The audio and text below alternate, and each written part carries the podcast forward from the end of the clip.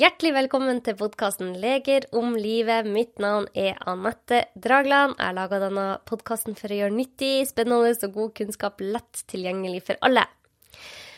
Denne podkasten tar jo for seg veldig mange temaer, og i dag så skal vi gå inn på et tema som i hvert fall jeg syns er veldig artig, og jeg tror veldig nyttig for folk. Med meg som gjest har jeg psykolog Kristian Vighus Sverdrup. Han er da utdanna psykolog og jobber for tida på Bufetat.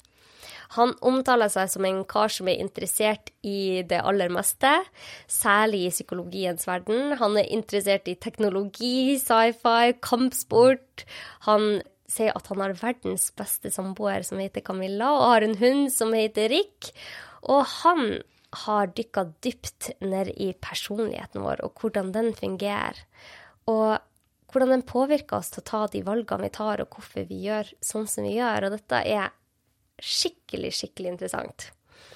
Og jeg har sett på personlighetstesten til Christian. For han Christian fikk meg til å ta en personlighetstest før vi møttes i dag, og det hadde jeg aldri tatt. Og der Nå er ikke jeg ekspert på å lese personlighetstester, men han scorer høyt på utadvendthet. Scora veldig høyt på at han er veldig en snill kar. Imøtekommende og vennlig. Og hvis jeg forstår det rett, så setter han seg klare mål og har høye ambisjoner. Han føler på lite engstelse og ingen nevrotiker. Han scorer høyt på kreative evner og er alltid åpen for nye eventyr. Var det rett, Kristian? Ja, jeg syns det er godt, godt oppsummert. Eh, veldig, ja, nei, Det blir spennende. Vi skal gå nærmere inn i det, da. Så kan vi diskutere litt sånn opp mot hverandre. Hjertelig velkommen, i hvert fall. Tusen hjertelig takk for det. Eh, ja, du er interessert i det meste, du, Kristian. Nå når vi har eh, møttes, så har vi jo snakka om utrolig mange tema bare på ti minutter. Du er òg en nysgjerrig type. Veldig. Samboeren min har jo, eh, Camilla da, har jo rista mye på huet, på en måte, for vi har jo da Min PC står i stua. Jeg er jo da en gamer, så, så ja. Så hun, hun, får jo på en måte med seg hva jeg sitter og ser på på YouTube, og der er det jo alltid fra liksom Akkurat nå så er det å drive og male sånne små Dungeon Dragons-figurer. eh, som, som, jeg, sitter og ser på. Det har vært liksom, hvordan du smir sverd. Det har vært til hvordan universet henger sammen. Altså, ja ja. til, til hva skal jeg si, punkrockens historie. Så vi er liksom vi, Ja. Som jeg, som jeg, nevnte i stad, så er det jo Google-algoritma tror jeg har litt vanskeligheter med å finne ut hvor jeg er hen. uh, du er interessert i alt? En god del. Det er veldig mye jeg er veldig liksom, ja, så det har jo tatt meg ned noen ganske spennende, spennende, spennende hull. Har du, har du malt Dungeon and Dragons-figurer? Ja da, så det har jeg sittet og gjort i jula. Så Oi. det har vært liksom eh, tingene jeg og holdt på med da. Så hun har sittet og gjort eh, pysle, som hun kaller det på svensk. Hvor hun sitter og på en måte gjør noe sånn type sånn et maler, eh, syr eller gjør noen sånne type ting. Og så sitter ja. jeg og gjør det her ved siden av, da, så har vi liksom litt sånn parkveld. Å, så hyggelig. Ja, ja. Kjempemoro. Så det er, det er jo så nerdete som du får det, ikke sant? Men det er jo ja, det er litt herligheten i det òg, da. Ja, det er jeg lik. Jeg liker å nerde, jeg òg. I dag så skal vi snakke om personlighet, Kristian. Eh, mm. Det er noe du har fordypa deg godt i. Mm. Og jeg ser at du er en ganske Eh, du er nøye. Eh, du sendte meg en oppdatert eh, fil der du har skrevet om personlighet, og det er jo bra mange sider der du går dypt inn i forskninga. Så jeg er skikkelig spent på denne praten. Og så har jo du fått meg til å ta en personlighetstest for første gang i mitt liv. og det syns jeg er jo litt morsomt. Først og fremst, personlig, hva, hva er det egentlig? Ikke sant, for det er jo det er mange måter å på en måte se det på. Mange har jo prøvd seg opp igjennom. ikke sant? Vi har jo helt ifra liksom antikken, så, blant annet, så har det jo vært liksom eh, Har jo de hatt noen systemer for å på en måte innordne folk i, ikke sant? Så, så, det her er noe som på en måte har fulgt menneskeheten egentlig siden altså recorded history, på en måte. Oi. Så det er jo noe som vi på en måte har drevet med, da. Så, så i antikken så hadde de jo på en måte forståelse for de som var liksom det de kalte melankolske, ikke sant? Som var på en måte litt sånn tenkende folk som var liksom de, eh, Hva skal jeg si? Folk som var litt sånn frambusende og var liksom veldig det vi i dag kaller kanskje ek ekstroverte, ikke sant. Så, ja, så, det her er noe som på en måte har fulgt med oss egentlig, ja, så lenge vi, så lenge vi har vært. At vi har prøvd å liksom organisere oss, da. Ja. Så det er veldig spennende. Men så er det ja, kanskje de siste Siden vi nå har fått mye mer avansert statistikk, da, så har vi også blitt bedre på å på en måte kanskje nærme oss litt mer akkurat hva det er vi snakker om. Men selve tankegangen har vært der. Hvorfor har vi prøvd å innordne oss ut ifra det? det jeg tror, at altså, verden er jo ekstremt komplisert. Jeg er jo både Og det her er de store kampene inni meg, da. Jeg veldig jeg, vil- jeg er veldig nysgjerrig, så jeg vil veldig gjerne vite om ting. Ja. Samtidig har jeg et ekstremt behov for å forstå og liksom kunne sette ting så jeg- i liksom, hva skal jeg si, i relasjon til hverandre. da. Ja, ja. Så på en måte lage noen sånn faste størrelser av ting som er litt sånn ullent. Abstrakt. Ja, så gjøre det fra abstrakt til konkret, det, det har jeg et sånn det, det er noe som river mye i meg, da. Ja. Så, så ja. OK.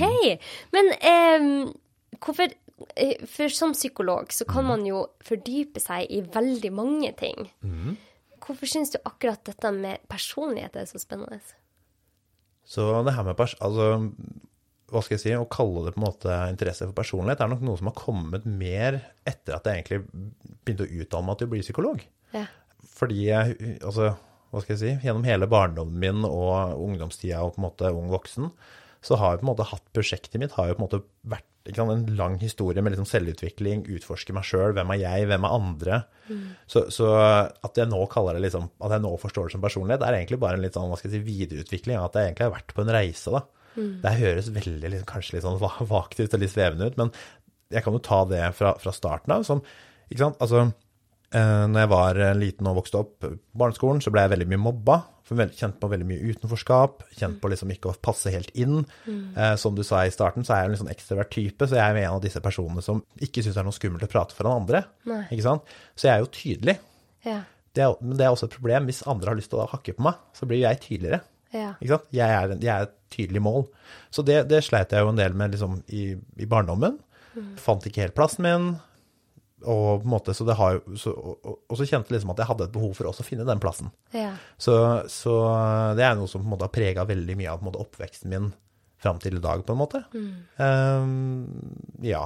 Så, så det har jo ja, vært mye innafor liksom, sosiologi og mye annet liksom, ja, på en reise da, for å på en måte prøve å finne ut hvem, hvem er jeg. Ja. Så, så det her er jo i og for seg litt sånn, eh, skal jeg si, nesten sånn at man kan si at jeg er blitt psykolog, så jeg, så jeg kunne liksom begynne å si noe om det. Ja, Så du har på en måte landa i dette med det konkrete med personlighet? da? Mm. Så det er, hva skal jeg si, det, det med personlighet har på en måte slags, liksom, kryst, kall det krystallisert, det, liksom har gjort, det har gjort det litt abstrakte, Ja. litt konkret. Ja. Så det, det er litt sånn det har på en måte blitt, da, for jeg, igjen, er man søkende, så er det jo på en måte litt sånn vanskelig å finne ut hva er, hva er liksom, hva er grensen av det her? Hvem, hvem er jeg, hvem er andre? Mm. Det, det finnes det jo 100 000 spørsmål, altså svar på, ikke sant? Hvordan skal vi forstå det samspillet? Det er jo, ja, så det var jo noe vi, du, du hadde jo en oppfordring til meg før jul, blant annet, eh, om det her med å lese den boka til, eh, til eh, Gabor Maté Ja. og sønnen, som er jo egentlig altså igjen, han også tar jo opp sin, sin tolkning av hvordan dette samspillet her mellom hvem du er og hvem andre er. Så, så det er noe som tydeligvis fenger, fenger mange, da. ja. Og hvorfor vi blir sånn som vi blir, er kjempespennende. Men, men er personlighet noe vi er født med? Er det arv? Er det miljø? Er det begge deler? Så det er jo begge deler, da. Det er jo en litt sånn floskel, på en måte. Litt sånn klisjé å si i psyk- psykologi. At det er jo det er alltid en sånn debatt mellom er det arv eller er det miljø. Her er det jo begge deler. Helt klart. Altså, du er jo født med? Det ser du jo fra? Du, har, du, har, du har jo noen barn. De er jo sannsynligvis ganske forskjellige. Ja, ja, Og det så man ganske ti, tidlig ja. av, ikke sant? Helt utrolig stor Eh, forskjell. Det er jo stor forskjell på meg og broren min, meg og søstera mi, meg og andrebroren min, ikke sant. Selv om nå deler jo, er jo Som jeg sa, så er det litt sånn moderne familie med mine, dine og våre barn. Ja. Eh, Men ikke sant, det er Vi kommer inn i verden forskjellig, Ja. og, og så blir vi også farga av ting rundt oss, da. Så det er jo i høyeste grad begge deler. Hm. Ja, ja. Det er det som gjør det så spennende, da. Men blir personligheten eh, på en viss tid satt? Altså, eh, for at vi utvikler oss jo med veldig mange eh, andre i barndommen og ungdommen, sånn, men er det en tid der personligheten din er ferdigsatt? Sånn er du. Eh. Så, så det, det blir jo et Så skal jeg svare sånn typisk psykologsvar. Det kommer an på hva du mener med det. Fordi at vi, vi, kan- sette det opp på en slags måte for å gjøre det litt sånn pedagogisk. Da. Så, så kan vi jo se for oss at det vi, det vi har som barn, det kaller vi ofte temperament. Så det kan vi se på som en slags sånn prepersonlighet. Ikke sant? Det er ikke? Det er jo helt klart at Noen barn er jo mer framoverlente, mens andre er litt mer bakoverlente. Noen vil være midt oppi alt der det skjer. Eh, Andre vil gjerne sitte helt, egentlig i en sånn krok bak i, bak i klasserommet. ikke sant? Mm. Noen barn er veldig liksom manjana manjana og tar livet ganske med ro og forholder seg til avtaler. Andre er veldig veldig viktige med avtaler, da. Ja, Ikke sant? ja. Så, sånn at, eh, men, men så er det nødvendigvis ikke sånn superstor forskjell. Nødvendigvis, Det er ikke så veldig sånn raffinert, kan du si. Eh, så derfor kaller vi man, man kan på en måte kalle det litt temperament, da. Som, og det er liksom Kall det en prepersonlighet. OK. Ja. Eh, så det er liksom starten.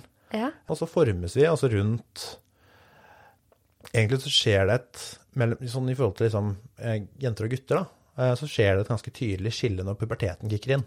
Så, så jenter og gutter når de vokser opp, er så å si ganske like som gruppe, da, inntil de på en måte kommer i puberteten. Og når, når de da kommer i puberteten, så fortsetter på en måte gutta litt på den samme veien de, de eh, begynte på, eh, mens jentene blir helt klart mer nevrotiske, Oi. som er litt spennende.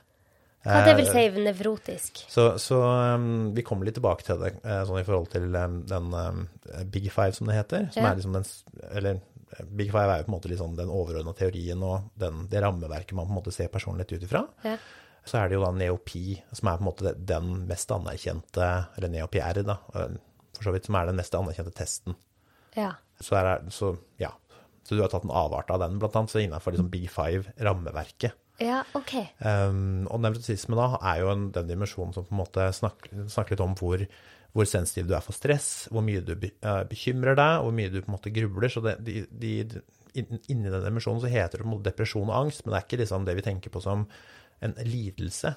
Men det er mer enn sånn at noen personer også bekymrer seg jo mer enn andre, ikke sant? Ja, ja. Eh, Hvis vi kan si det, si det sånn, da, i den klassiske kjønnsrollen med foreldre, så er det kanskje sånn at mor er litt mer bekymra enn det far er, for eksempel. Ja, Det vil da være forskjeller innenfor f.eks.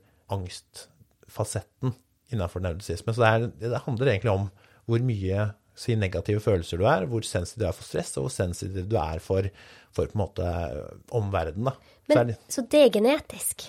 til en viss grad. Ja, siden Mm. jenten går Det kanskje har litt med hormonene òg å gjøre, siden det, det. det. skjer i ungdomstida? Og det gir jo mening. Ja. Dette her er jo, Jeg kommer til å kanskje sitere Jordan Peterson eh, en del, og det, du kan jo mene hva du vil om mannen, Ja. eh, men han har forska en del innenfor personlighet, og har egentlig ganske mye bra forskning innenfor personlighet. Ja. Så det, den har han for så vidt ganske god peiling på. Ja. Og, og jo, en av tingene han sier der, er at liksom, det, vil jo, det gir jo egentlig veldig mening. Når du skal gå rundt og bære på et barn, så er du av? Det er et lite barn som er helt avhengig av det. Du må passe på at det ikke er noe fare rundt. For nevrotisme er jo litt den her urfrykten. At hva Steinaldermennesket gikk ut på savannen eller jungelen eller hvor det var, og så begynte du liksom, eh, skake litt i, i, i buskaset på sida, ikke sant? Ja. De, som, de som da blei og ikke tenkte det var noe farlig, de døde jo. Ja. Og de som eh, tenkte at det her kan være en løve, jeg løper, de overlevde. Ja. Så det har jo en helt klar mening. Og når ikke, når det ikke bare er deg som, som det spiller en rolle for, men det er også avkommet ditt, da. Ja. Så selvfølgelig vil det jo være mening at du skal være litt sånn ekstra på vakt. ja. Så det er jo egentlig et sånn eh, system som holder deg på en måte Et sånn alarmsystem, da, på samme måte som Beskyttelsessystem. Det er det. Ja. Fullt og helt. Beskyttelsessystem. Ja. Ikke sant? Så det er funksjonen. Det betyr ikke at det er behagelig å ha det. Det er veldig, veldig ikke behagelig å bli, bli stressa og være engstelig. Det er jo ikke noe gøy. Nei. Det er ikke noe fint, men det er ekstremt nyttig. Ja. Ikke sant? Så vi kommer litt tilbake til det, men det, det er litt det så Det er en av de man på en måte ser en veldig sånn tydelig forskjell på. At jenter, når de da kommer i puberteten og får alle disse hormonene som begynner å sette i gang, og liksom sånt noe, så, så blir, det, blir, det, blir det et veiskille, da. Veldig tydelig. Så det er litt sånn spennende. Ja. Og så når man kommer opp i 20-åra, så begynner ting å sette seg betydelig. Og det har jo litt med, dere har vel diskutert det tidligere på podkasten her også, det som skjer med liksom frontallappen, ikke sant. Den her området foran hjernen er jo det siste som blir modent. ikke sant? Det blir modent i midten av 20-åra ca. Kanskje litt tidligere hos jenter enn hos gutter. Ja. Og liksom, det er rundt liksom 20-åra ganske mye av det her skjer, da. Så, så vi begynner å få en ganske tydelig personlighet. Men du kan helt klart se trendene ganske mye tidligere. Men de er ofte ikke like uttalt. Så det er i 20-årene det på en måte blir mer sementert enn av personligheten din? Ja, det kan du for så vidt si. Det er der det på en måte mye, land, mye på en måte lander, og det blir mer raffinert. Men vi er ekstremt liksom Vi endrer oss veldig mye som gruppe i løpet av livet. Ja. Så, så det er jo det, så det er derfor jeg sier det kommer an på hva du mener. Ja. Personligheten blir mye tydeligere når man blir måte, voks, altså voksen. Og til en viss grad så gir det også en veldig mening, ikke sant? For du har jo, når du vokser opp, så bor du jo hjemme. Det er jo masse i omgivelsene dine som egentlig bestemmer for deg hvordan du skal være. Ikke sant? Når du flytter hjemmefra, i en alder av 18-20, så plutselig så står du ganske fri. Og da kommer jo selvfølgelig da hvordan du vil ha det fram. Ikke sant? For de har jo blitt kanskje holdt litt tilbake da, av si mamma eller pappa eller noen andre sine ønsker om hvordan du skal være, når du skal være, hvor, nå skal, ikke sant? Så barneoppdragelse handler jo egentlig ganske mye om å prøve å forme barn. Men det setter jo også noen begrensninger, og ikke nødvendigvis Nå sier jeg begrensninger, men sånn, det kan jo høres negativt ut, men i utgangspunktet så er det jo også positivt. Men det gjør også at man på en måte ikke, ikke? Så det er noen ting i omgivelsene som gjør at det er gans, egentlig ganske naturlig at personligheten ikke kommer helt til uttrykk, kanskje, før man hva skal jeg si, forlater redet. Det, det er superspennende, det her. Og eh, sånn som han skrev, han Gabor Maté, i den boka vi begge har lest, 'The Myth of Normal', anbefales. Den er kjempebra. Også, så vi blir jo forma etter kulturen rundt oss. Eh, og det syns jeg òg er veldig interessant. Sånn, eh, for når du sier det der med å være nevrotisk og bekymra og sånn, så var jo jeg veldig sånn i tidlig 20-årene. Og endra helt på en måte miljøet mitt, hva jeg, hva jeg valgte å prioritere i livet mitt i, i midten av 20-årene. Og jeg tror nok at det har skjedd en ganske stor endring i hvordan jeg er og har det. Så jeg er jo på en måte litt glad for at jeg oppdaga det i 20-årene og ikke i 40-årene, for det har kanskje vært litt vanskeligere for meg å endre litt på det. Nei, det vet jeg ikke. Okay. Vi er, eh, altså det, det er også det som er litt spennende, da? For hvis du ser jo så, så endring skjer på litt forskjellige nivåer. Ja. Så du har, eh, så du har på en måte endring som skjer på en måte inni deg selv. Basically de- deg mot sånn som du er nå, mot hvordan du kommer til å bli om fem år. Så det er på en måte én måte å se endring på. En annen måte å se endring på er jo om eh, deg mot en gruppe, ikke sant? En annen, som eksempel de som er like jevnaldrende som deg, eller og, og eksempel samme kjønn. Og så kan du også se endring på den gruppa som helhet. Ja. Så, sånn at vi, vi vet jo eksempel at når du blir eldre, så blir du også mindre nevrotisk. ja. Ofte så, så daler på en måte den scoren litt. Grann. Ja. Du, du, blir, du, blir mer, du blir litt mer rolig. Ja. Det har jo litt med at du sannsynligvis har opplevd en del ting òg, så er, alt er ikke nytt. Ja. Ikke sant? Det, her, det her trener jo på liksom, sant? Det handler jo om å liksom, gå og gjøre ting, og så, og så se at ikke det er farlig. Personer med sosialangst syns jo at det å sitte blant og snakke med nye fremmede og folk som kan vurdere det, er jo grusomt. ikke sant? Gjør du det nok? Og på en måte få sjekka at det jeg frykter nå, det stemmer ikke, så vil jo de bli roligere.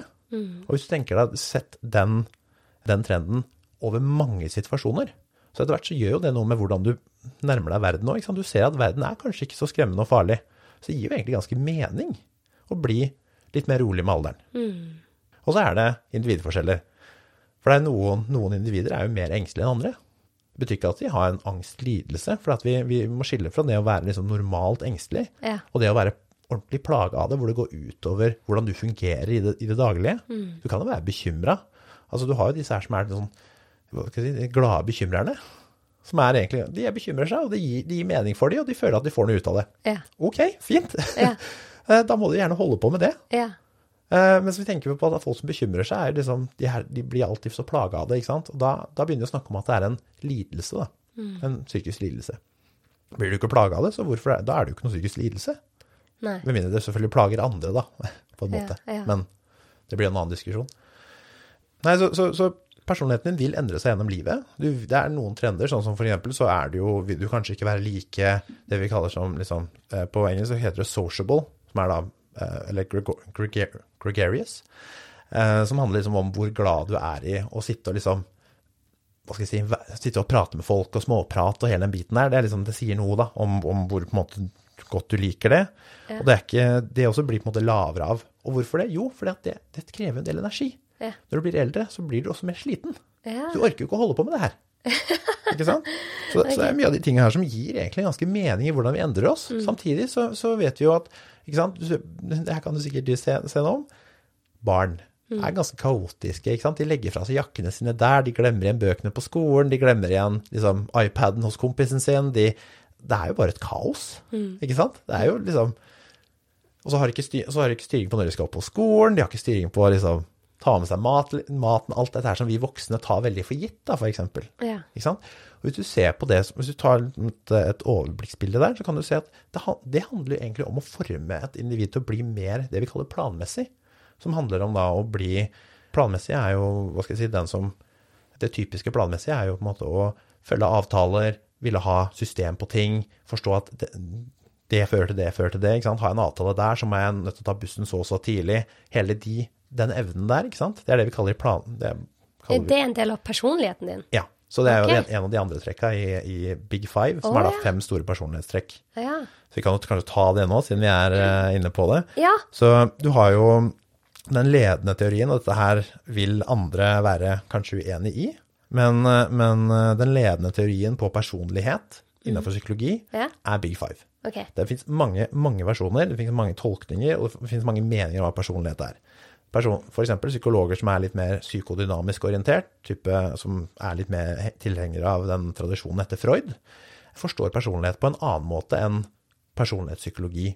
Så de har på en måte en, en slags sin annen forståelse av det.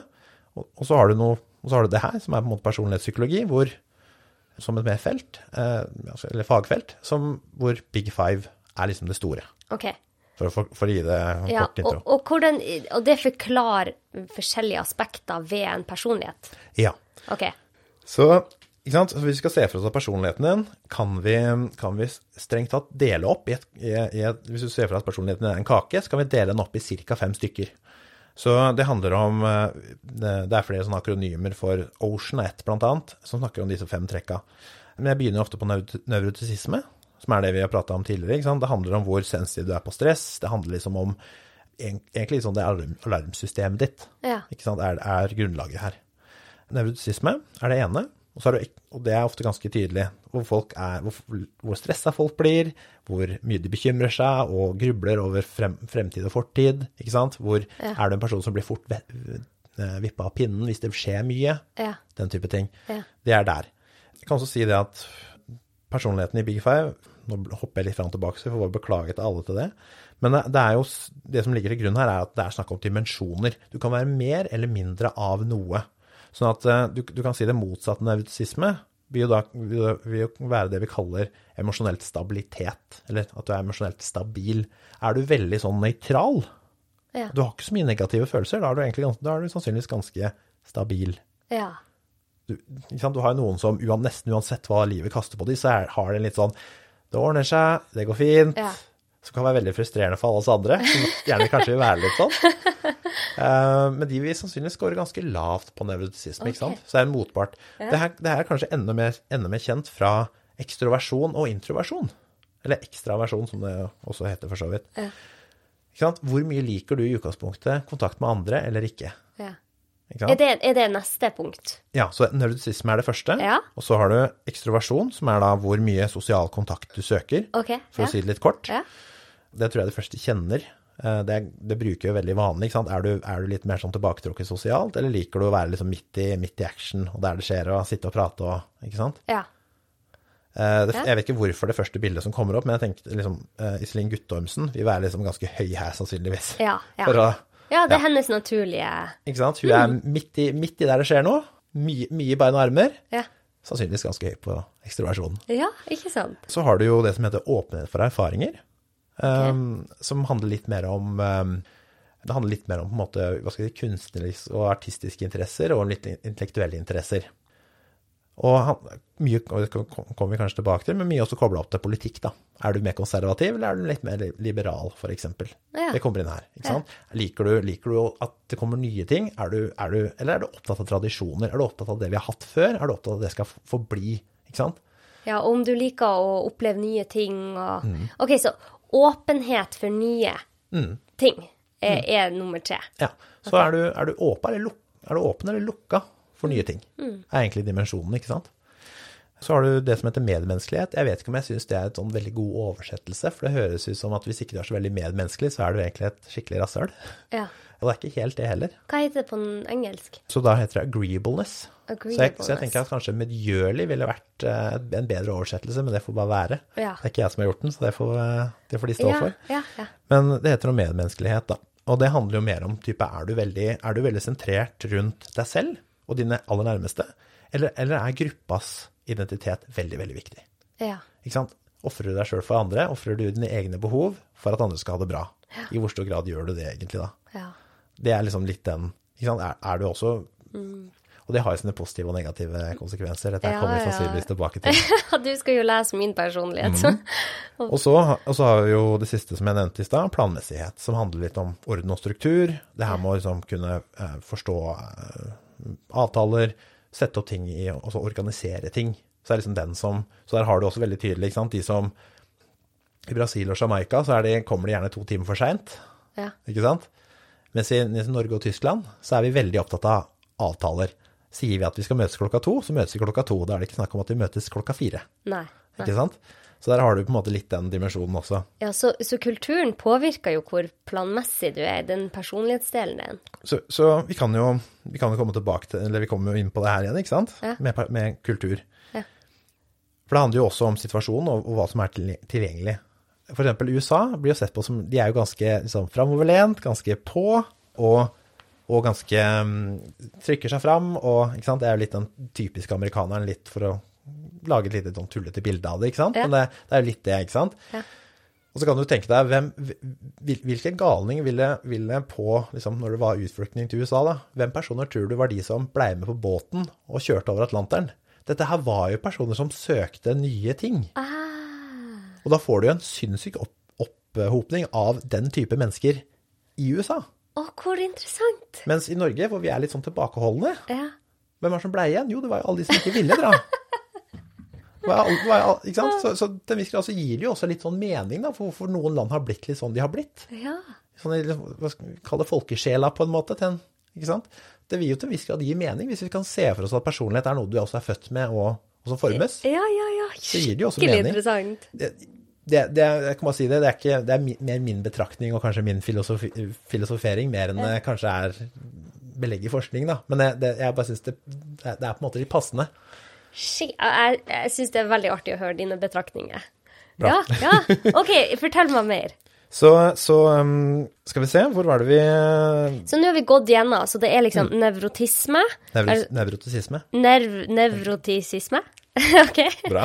Og så er det Hva var det du sa? Så eh, nevrotisisme, eller emosjonell stabilitet, Ja. som er én. Ja? Ekstroversjon, introversjon, Ja? som er en annen dimensjon. ikke sant? To, ytter, to ytterpunkter. Ja? Åpenhet for erfaringer eller lukkahet for erfaringer. Ja. Og så har du medmenneskelighet, mindre medmenneskelighet. ja. Så, og så har du planmessighet, som er da mer mot å lage seg planer og system og orden. Og så har du de som er litt mer manjana-manjana. Går de litt mot hverandre, de der med åpenhet for erfaringer mot de som er veldig planmessige, eller har ikke det, de, de, overlapper ikke hverandre? Så jeg, jeg, jeg tenker at vi skal prate om det sånn litt sånn pedagogisk, som litt atskilte ting, men Ja. virkeligheten er jo at det her henger jo litt sammen, da. Ja. Ikke sant? Så, så at det er, det er Vi kaller det korrelasjon. Altså de korrelerer ganske mye innad. ja. Så det er ganske mye overlapp, da. Og med en gang du nevner disse tingene, så popper det jo opp folk jeg kjenner, Ja. som er litt sånn, og som er litt sånn. Ikke at det, det, det Ja. Så, så det her er også hvorfor jeg syns det har vært veldig spennende. For det var, det var litt som å få et litt sånn jukseark på hvordan er folk. Her får jeg et system, og jeg bare kan putte folk litt sånn kjapt inn i sånn Ok, du, du liker sannsynligvis mer for eksempel å være framoverlent, ikke framoverlent. Ja. Du liker å Ikke sant. Så det, det er jo en måte å se også mennesker på. Ja, ja, ja. Um, så så det, det er, man kan jo kjenne igjen folk. Av og til gir det ganske mening. For eksempel den her, um, det her aleia di, ikke sant. Sånn er du. Ja. Det gir jo me mening. Tar du, eksempel Jan Thomas, ikke sant. Altså, han, han virker jo så positiv. Han jo, han har så mye engasjement. Ja. Han er så glad alltid. Ja. Og han scorer jo skyhøyt på det. ja. Altså, jeg, om jeg har en god, altså jeg, uansett hvor god dag jeg kommer til å ha, så kommer jeg aldri til å ha en like god, da, en god dag som, Jan Thomas. Eller, eller Stordalen, for den saks skyld. Ikke sant? De er skyhøye på det. De har masse positive følelser. Som er den underfasetten til, til ekstroversjon, da, vil jeg merke. Ja, for at det, det er flere sånn underpunkter på hver av disse. Så hvis vi kan se for oss at vi har da fem trekk, Ja. ikke sant? som er det jeg gikk gjennom nå, som er da dimensjoner. Vi er det i større eller mindre grad. Ja. Så det er liksom som å se på et miksebord her, ikke sant? masse sånn, sånn at du kan slå opp og ned. Ja. Eller, ja. ja, det er fint eh, Mm. å visualisere. Og så under det igjen så har du et mellomnivå som er litt mindre kjent. Det er ikke så mye forska på det, men det, det kaller vi aspekter. Så det vil si at hver av de, de underdimensjonene kan deles opp i to. Ja. Det, det her vil gi litt mer mening etter hvert. Under det igjen, som er det for så vidt mer kjente, er det vi kaller underfasetter. Og der under hvert av de fem så ligger det 30 underfasetter. Jaha. Å, herregud, Så det hver er av de har seks. Ja, så er, det, du skal holde tunga ganske rett i munnen på en del forskjellige her, da. Ja. De det er best liksom, vitenskapelig belegg for, er disse fem trekka. og så prøver man på en måte å se så, Litt så, mer i dybden på det. ja. så, Men mye av forskninga er primært gjort på disse fem trekka, Ok, ok. ikke, ikke underfasetter. Ja. Så, så det, det er jo helt klart gjort forskning på det, men det er bare betraktelig mindre. Det er så ofte de store fem trekka de, de forskes på, da. Ok. Så da er det Og det er også sånn interessant i forhold til kjønnsforskjeller også. ikke sant? Du nevnte jo kultur, men det er også kjønnsforskjeller. Ja. Det, jeg har jo hinta litt til det tidligere, tidligere i, i podkasten. Men det er jo også snakk om at det er noen, det er noen små, eller beskjedne forskjeller på gruppenivå. Ja. Eh, Det får så ofte veldig stort utslag på endene. Så at hvis du sier i forhold til f.eks. medmenneskelighet, ikke sant? så er jo kvinner er jo litt høyere enn menn. Det, er, det, vil, det vil si at plukker du en tilfeldig mann og en kvinne, så er de, så er, så er de sannsynligvis ikke sant? Det her kan jeg også nevne, bare for å si det, det er jo normalfordelt. ikke sant? Det betyr jo at eh, de aller fleste befinner seg rundt gjennomsnittet. Ja. Og så er det, og så jo lenger ut på sida vi kommer, jo færre er det. Altså jo færre individer er det. Så de, det er liksom, det er samla mot midten. Ja. Det er sånn det, sånn det fungerer. Ja. Sånn at um, menn og kvinner, der er det liksom, hvis du skal se gjennomsnittet på mannen i, i eh, medmenneskelighet, og, kvin og kvinnen, så er det liksom litt forskjell på de. Ja. Så vi sier at menn er litt mindre medmenneskelige enn kvinner. Som gruppe. ja, jeg kjenner meg igjen i det. neida. Neida, neida? Har du en gjennomsnittlig mann og kvinnen, så er det ikke nødvendigvis så mye forskjell på de. Nei. Og det her er liksom interessant, for det er ikke, det er ikke så store forskjeller mellom kjønnene. Men innad i kjønnet så er det veldig stor forskjell. Ja. Så, det litt, så vi er likere hverandre som grupper Ja. enn, vi, enn vi er forskjellige. ja, det er interessant. Men det vil si at sant? de minst medmenneskelige personene er menn. Ok. De mest eh, medmenneskelige er kvinner. Ja, for vi måtte passe på eh, flokken mens mens menn skulle ut og jakte. Ikke sant? Sett litt enkelt. I dag så ser vi også at det er jo ikke nødvendigvis bare tilfeldig at det er mer menn i fengsel, Nei. For. Så dessverre, det er en litt sånn mer dyster side av det, ikke sant? Det er litt sånn overslag, men så er det noen forskjeller der. Så, så, men det er ofte mer på liksom nevro- nevrotisisme er liksom den største, og agreeableness er liksom, eller medmenneskelighet, nå be- begynner jeg å bruke de engelske begrepene, så jeg får beklage det. Det er der vi stort sett ser de største kjønnsforskjellene da. Ok, så planmessighet så er vi ganske mye likere, og Ja. utadvendthet så er vi Ok, ja, det er Ja, interessant. og åpenhet også, så er vi egentlig ganske rimelig like. Ok. Ja, det er noe på ekstroversjon, men det har også litt med Det det kommer vi litt til, og så kan vi diskutere litt i forhold til når vi ser på, på din, eh, din personlighet. Herre min hatt. Så, um, så vi gå, skal, skal vi kanskje gå inn på det nå, eh, Anette? Ok, ja, ok, du fikk meg til å ta en sånn der, en der lang eh, greie. Så- Så det var så mye spørsmål. Ja, så tre, 300 spørsmål. 300 spørsmål, ja. Ja. Ja, det tror jeg det var. Det er en del, og det tar jo da opp en halvtime time å gjøre, da. Ja. Ikke sant? Ja. Så, ikke sant? Og det, sånn, som vi da, sånn som vi da gjør det, for vi må jo da si hvis vi har masse personer som tar den testen, så, så er det noen nivåer i det her for å få, det likt, ikke sant? Så vi ser hva, hva, hva de eh, resultatene betyr. Så en ting er at vi, vi sam, sånn som den testen her, så er, jo du sammenligna opp mot kvinner i din aldersgruppe, ja. ikke sant? At det er jo, Ok, man, så man sammenligner seg med samme kjønn i samme aldersgruppe. Så det, så det varierer litt hva, som årsak, altså hva man skal med det, ikke sant? Sånn Ja. det er jo ikke, hvis det er um, for eksempel, se personlighet mot personlighet opp mot for eksempel mensens smerter, så hadde det ikke vært så veldig interessant å ha med menn, eksempel. Nei, nettopp. For vi, har ikke vi, har, vi får jo ikke mensen. Nei, nettopp. Så det spørs litt hva du skal med det.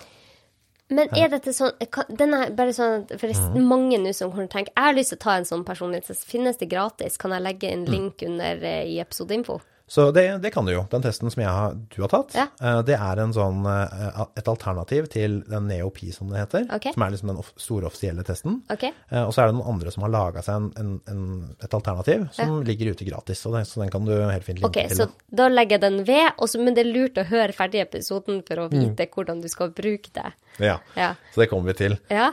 Så, så da er det Så jeg tok jo også testen, for å, for å vise, og det, det snakka vi om litt før sending, at vi, vi er jo ganske like Ja. på den testen, ser det ut som. Ja. Og vi lig, ligger ganske mye rundt gjennomsnittet, da. Ikke sant? Vi ligger rundt den gjennomsnittlige personen som tar den testen her. Ja. Men det som er litt interessant, er at jeg blir jo sammenligna mot menn i ca. min alder. Du blir sammenligna med kvinner i din alder. Ja. Sånn at når vi, ser på disse to profilene mot hverandre, så, så er det litt som å sammenligne pærer og epler. Ja. Så dette her var hvorfor jeg tok testen og sa at jeg var en eh, kvinne ca. på din alder. ja. For å, få, for å få litt sånn For å kunne se det litt nærmere, da. Ah, det er interessant. For da blir jo, jeg, da blir jo mine scorer sammenligna med Det kaller vi normering for øvrig. Ja. Um, da kan vi, kan vi se det da sånn at hvordan jeg scorer i forhold til denne gruppa med mennesker. Okay. Så dette her blir relevant i forhold til rekruttering, ikke sant? For at du må jo, ja, du skal, du skal jo på en måte prøve å finne ut hvem er det som passer til denne jobben, Ja. for eksempel. Og da er da, da trenger du ikke nødvendigvis å ta hensyn til alt. For det er noen, noen passer jo bedre i noen, jobb, noen yrker enn andre. Ja, nettopp. Og så er det jo sånn med gruppering at man vil ikke bare ha de som er ja, f.eks. veldig lav på planmessighet til å styre et skip. Nei, ikke sant? Det, det vil du ikke. Nei. Og det, det her gjør jo Forsvaret ganske mye. Ja. Blant annet Forsvaret bruker den testen her. Jeg, jeg, jeg skrev jo hoved, altså, da vår masteroppgave, på en måte. Ja. Jeg skrev jeg på person, blant annet hvor vi så på personlighet. Eh, og da Big Five, men da Forsvaret sin versjon av det. Ja. Og opp mot om hvem som fikk eh, posttraumatiske altså posttraumatisk stressplager, og ikke ved å har vært i Afghanistan. da. Åh. Så, så det er også litt sånn som vi kan se på, men det kommer vi tilbake til når vi snakker om, eh, når vi snakker om psykiske lidelser Ja, ja, og om ja. personlighet. Ja, ja, ja. Så, men i hvert fall du, ikke sant? OK. Ja, nå er, er jeg spent. Så hvis vi ser for oss sånn som det her fungerer, så er det gjennomsnittet er på 50. OK. Så at den gjennomsnittlige personen er 50. Scorer 50. OK? 50. Eh, Så det er fra 0 til 100, så er gjennomsnittet 50. Mm. Det er 50. De aller fleste, ikke sant, 70% cirka, av folk ligger mellom 60 og 40. Okay. Så i løpet av det spennet der, så har du dekt ca. 70% av befolkningen. Det er det jeg snakka om med normalfordeling. Ja. Kommer du opp mot, eh, kommer du opp mot 70, inkluderer du liksom eh, 70 og 30, så er du, så, så er du opp i 95% av befolkningen. Oh. Kommer du opp til 80 og 20, så har du 99,7% av befolkningen. Så, og det, her, så det er derfor jeg på en måte brukte de type scorene her, for da sier det at er du rundt 50, pluss minus opp til 60 og ned til 40, så er du innafor liksom Det er der de aller fleste er. Ja. Ja. Ikke sant? Så når det gjelder liksom ekstroversjon, hvordan, hvordan tror du du scorer der? For det, det, det her har du prata om tidligere, som jeg Ja. syns er veldig spennende. Ja, altså Jeg var veldig innadvendt som barn. Jeg Syns det var veldig Jeg ble, var veldig sjenert hvis det kom nye mennesker. Innad i min vennegruppe så var jeg jo en person som var i godt humør og hadde mye energi. Men eh, når det var nye, opp, nye folk, så ble jeg veldig sjenert. Og så husker jeg at i sjette-syvende klasse så drev jeg så rundt meg, og så så jeg at liksom de som var utadvendt, de de liksom var mer populære, de, det var lettere for folk å like de, for de viste følelsene. Så jeg bestemte meg for at jeg skulle bli utadvendt.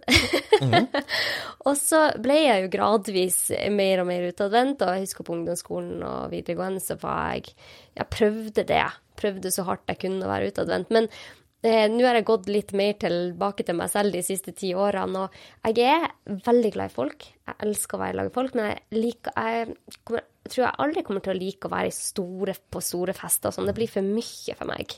Det blir for mange å prate med, og jeg liker heller at vi er åtte stykker rundt et bord og kan ha en god prat. Så jeg er veldig spent på hva den der testen viser. Er jeg introvert eller er jeg ekstrovert? Så du, du blir det som heter for ambivert. Du er begge.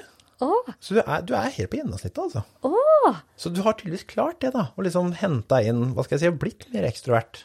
Det, Ja. det har du klart. Du, er, du er ganske på gjennomsnittet. Så, så, men, du sier noe her, ikke sant? for du sier at du, du liker andre mennesker. Det, det er noe som virker som gir deg en del energi. ikke sant? Du liker å liksom, holde på med ting, være med andre. Mm. Men så liker du ikke, som du sier, å være i masse, drive masse smalltalk.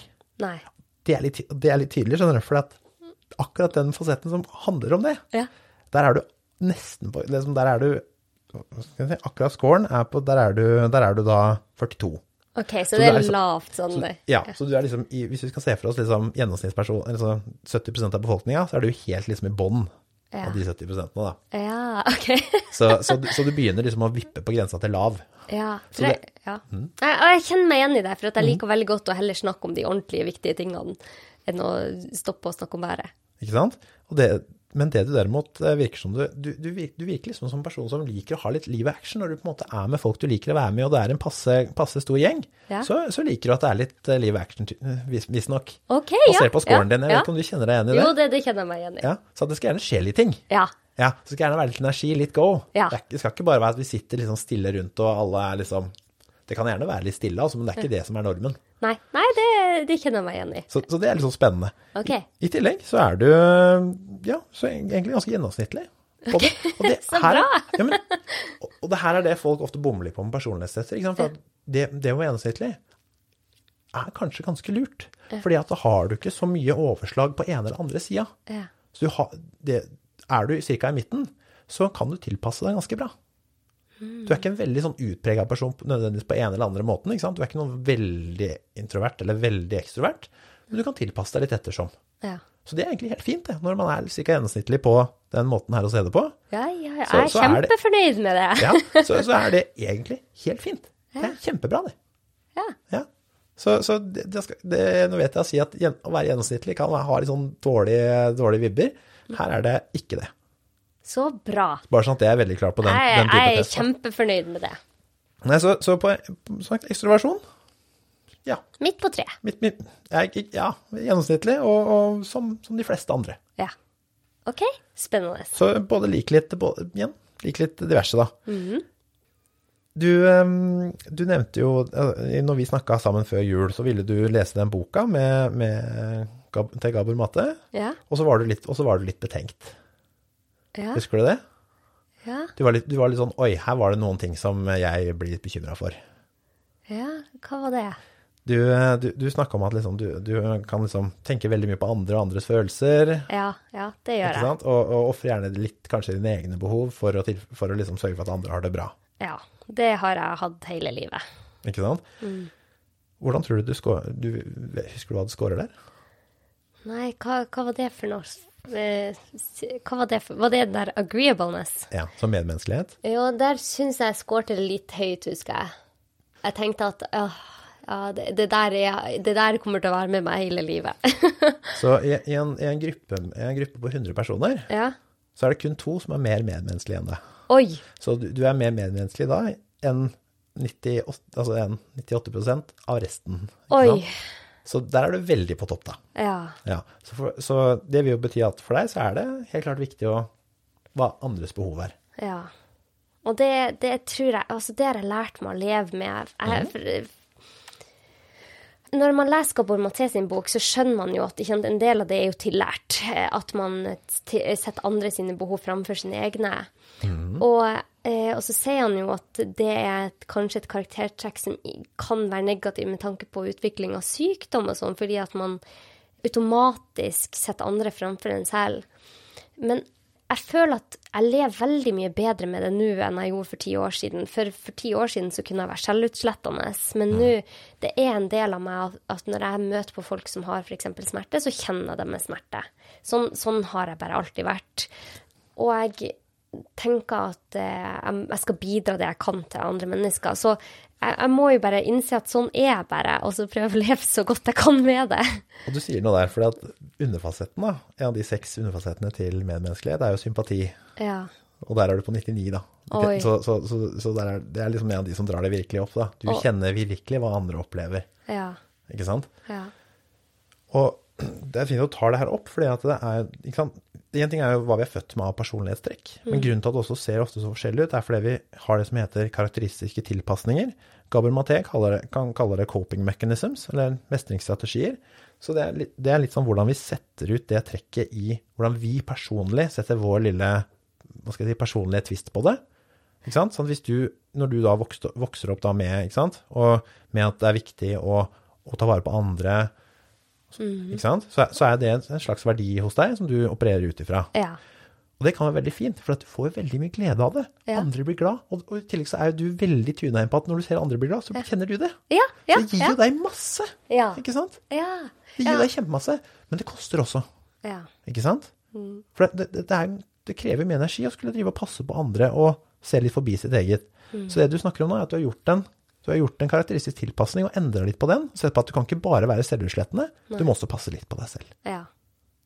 Ja, men det, det her syns jeg er en sånn eh, Siden jeg tydeligvis da scora forbi gjennomsnittet her, så på, jeg, jeg, jeg er litt sånn Jeg dras i begge retninger. For på en vis så har jeg veldig lyst til å være i, på gjennomsnittet her, fordi at jeg har mange ganger tenkt på folk rundt meg som er veldig gode til å sette grenser, veldig gode til å sette sine egne behov framfor andre. Så jeg tenker hvor deilig det må være. Og, og som lege ikke sant, så syns jeg det er kjempevanskelig å ikke gjøre absolutt alt jeg kan for de personene. Men så har jeg jo godtatt at det er bare sånn jeg er. Og jeg ser også det positive med det, for at jeg ser veldig fort Jeg kan gå inn i et rom, og så kan jeg se med en gang hvordan folk har det. Eh, og ofte så kan jeg ikke Jeg går jo ofte bort til folk, og hvis jeg ser at det er noen som trenger noe ekstra, så, så ser jeg det. Så jeg tenker at det kan òg være en gave. Det er jo det. Det er, det er begge deler, ikke sant? Det er både som Ikke sant? Det krever noe av deg, det koster noe, men det er også noe du får ekstremt mye igjen for. Ja. Ikke sant? Så det, men, og der er poenget, da. Bare balansere det ut. Ja, ja. Det er greit å være klar over det, tenker jeg for de som skal ta denne testen. Det er greit å være klar over sånne her personlighetstrekk, sånn at du, du vet det. Eh, når, når kjent, Her om dagen så kom naboen på døra og tenkte å låne bilen min. Og jeg hadde en dag full av planer. Jeg skulle på innspilling i byen, jeg skulle videre til eh, et møte, så skulle jeg på en, en sånn konferanseting, så jeg, jeg trengte bilen til å kjøre meg tre forskjellige steder.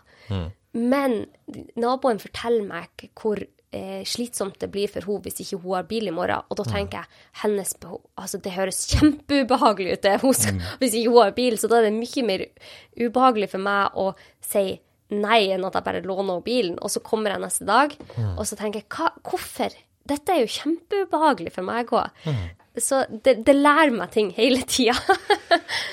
Her kommer du litt inn på liksom endring, hva du kan endre i personlighet. For Ja. det vi vet, er at um, du får ikke endra på det her i morgen. nei. Men med å jobbe med det, Ja. så kan du faktisk endre det et, altså et helt standardavvik. Det vil si du kan hoppe fra, fra standardavviket her. Det er, nå, nå blir det sånn teknisk språk, da. Ja. Men det er det jeg snakka om fra liksom 50 og så opp til 60. Det er liksom ett stand, et standardavvik. Ja. Eh, Så du kan hoppe på en måte altså dropp, du, kan hoppe, du kan endre deg opp til 10 poeng, da, eller, eller mer, i løpet av 5 til 10 år. OK, så jeg kan gå fra 100 til 90? Ikke sant? OK, ja, men det er bra. Så, så, så du kan på en måte Du kan jo jobbe med å skalere det ned. Ja. Eller sånn som du har gjort med å sette at f.eks. Ok, det, hvis jeg blir selvutslettende, Mm. så begynner det her å koste for mye. Ja. Det kan jeg ikke holde på med. Så jeg må, jeg må, snurre, jeg må snurre igjen sekken lite grann. Men det er, fortsatt, det, er fortsatt ekstremt meningsfullt for meg å gi til andre. Mm. Ikke sant? Det vil du ikke miste. Men det handler om bare liksom, kost-nytte. Hvor Mm. mye koster det her meg? Hvor mye får jeg igjen for det? Og så lenge du for så vidt er er fornøyd med den eh, balansen, så er det egentlig superbra. Da trenger du ikke å gjøre noe med det. Men du har jo gjort en endring. ja. Men fremdeles scorer jeg 99. Det er jo helt det. Ikke sant? Ok, Ja, ja, men, eh, men jeg Mhm. tenker at jeg hadde jo ikke f.eks. lagd denne podkasten hadde ikke jeg hatt den personlighets, eh, det personlighetstrekket, for det er jo mye dårligere betalt f.eks. å lage Mhm. denne enn å jobbe som lege, og, men jeg føler at jeg gir så mye, og det gir meg så mye. Det gir meg så mye glede å kunne hjelpe andre. Mm. Så ja. Jeg var ikke så veldig sjokkert når jeg så de scorene sjøl.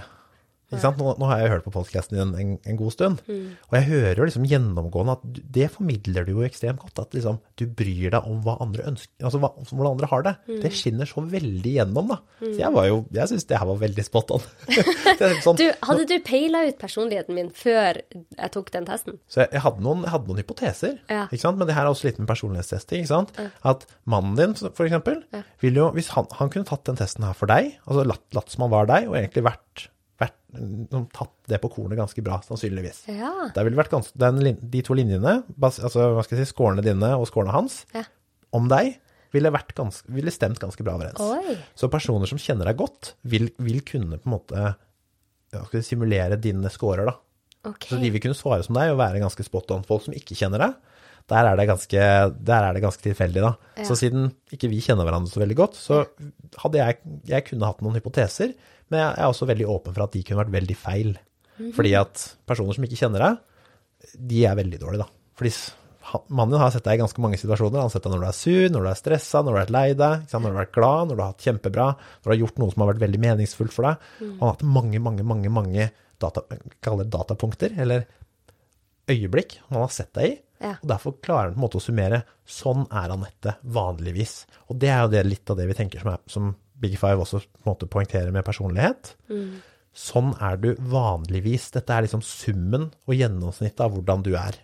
Men det, det jeg syns er litt interessant, er at jeg ville ikke ha trodd at jeg skårte f.eks. 99 av 100 på det der. Jeg ville ha tenkt at jeg var kanskje eh, Jeg vet jo at jeg er litt mer enn normalt, men kanskje 70, da. Ikke sant? Eh, Så man klarer ikke å se seg selv helt heller. Nei.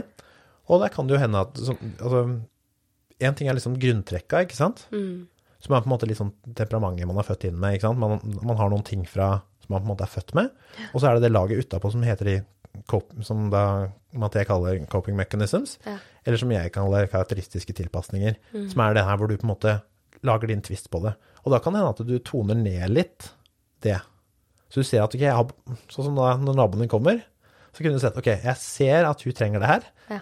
ryggmargsrefleksen min er å bare gi hun nøkkelen med en gang. Bare, du, ta den, fint. Den karakter, nesten karakteristiske tilpasninga vil jo være å si at nei, men jeg har, jeg har det kanskje også litt, litt hektisk i morgen. Ja. Ikke sant? Så, sånn at det er liksom litt hvordan karakteristiske tilpasningene kommer litt Det er noe på en måte hvordan vi Hva skal jeg si? Det er, det er, det er skjæringspunktet mellom hvor våre, våre måte ting kommer til syne, og hvordan miljøet møter det, da. OK. Så jeg tenker det er veldig greit å vite, faktisk. Det er greit å ta denne testen. Fordi at eh, neste gang naboen kommer og skal låne bilen, så kommer jeg til å tenke 99 av eh, 100 ville ha sagt nei, mens jeg ville sagt ja. Så nå må jeg prøve å være litt på snittet akkurat på dette svaret. Ja. ja. Ikke sant? Så, For eksempel så er det jo Dette her kommer folk som har gått på skole med meg til å kjenne seg veldig igjen i.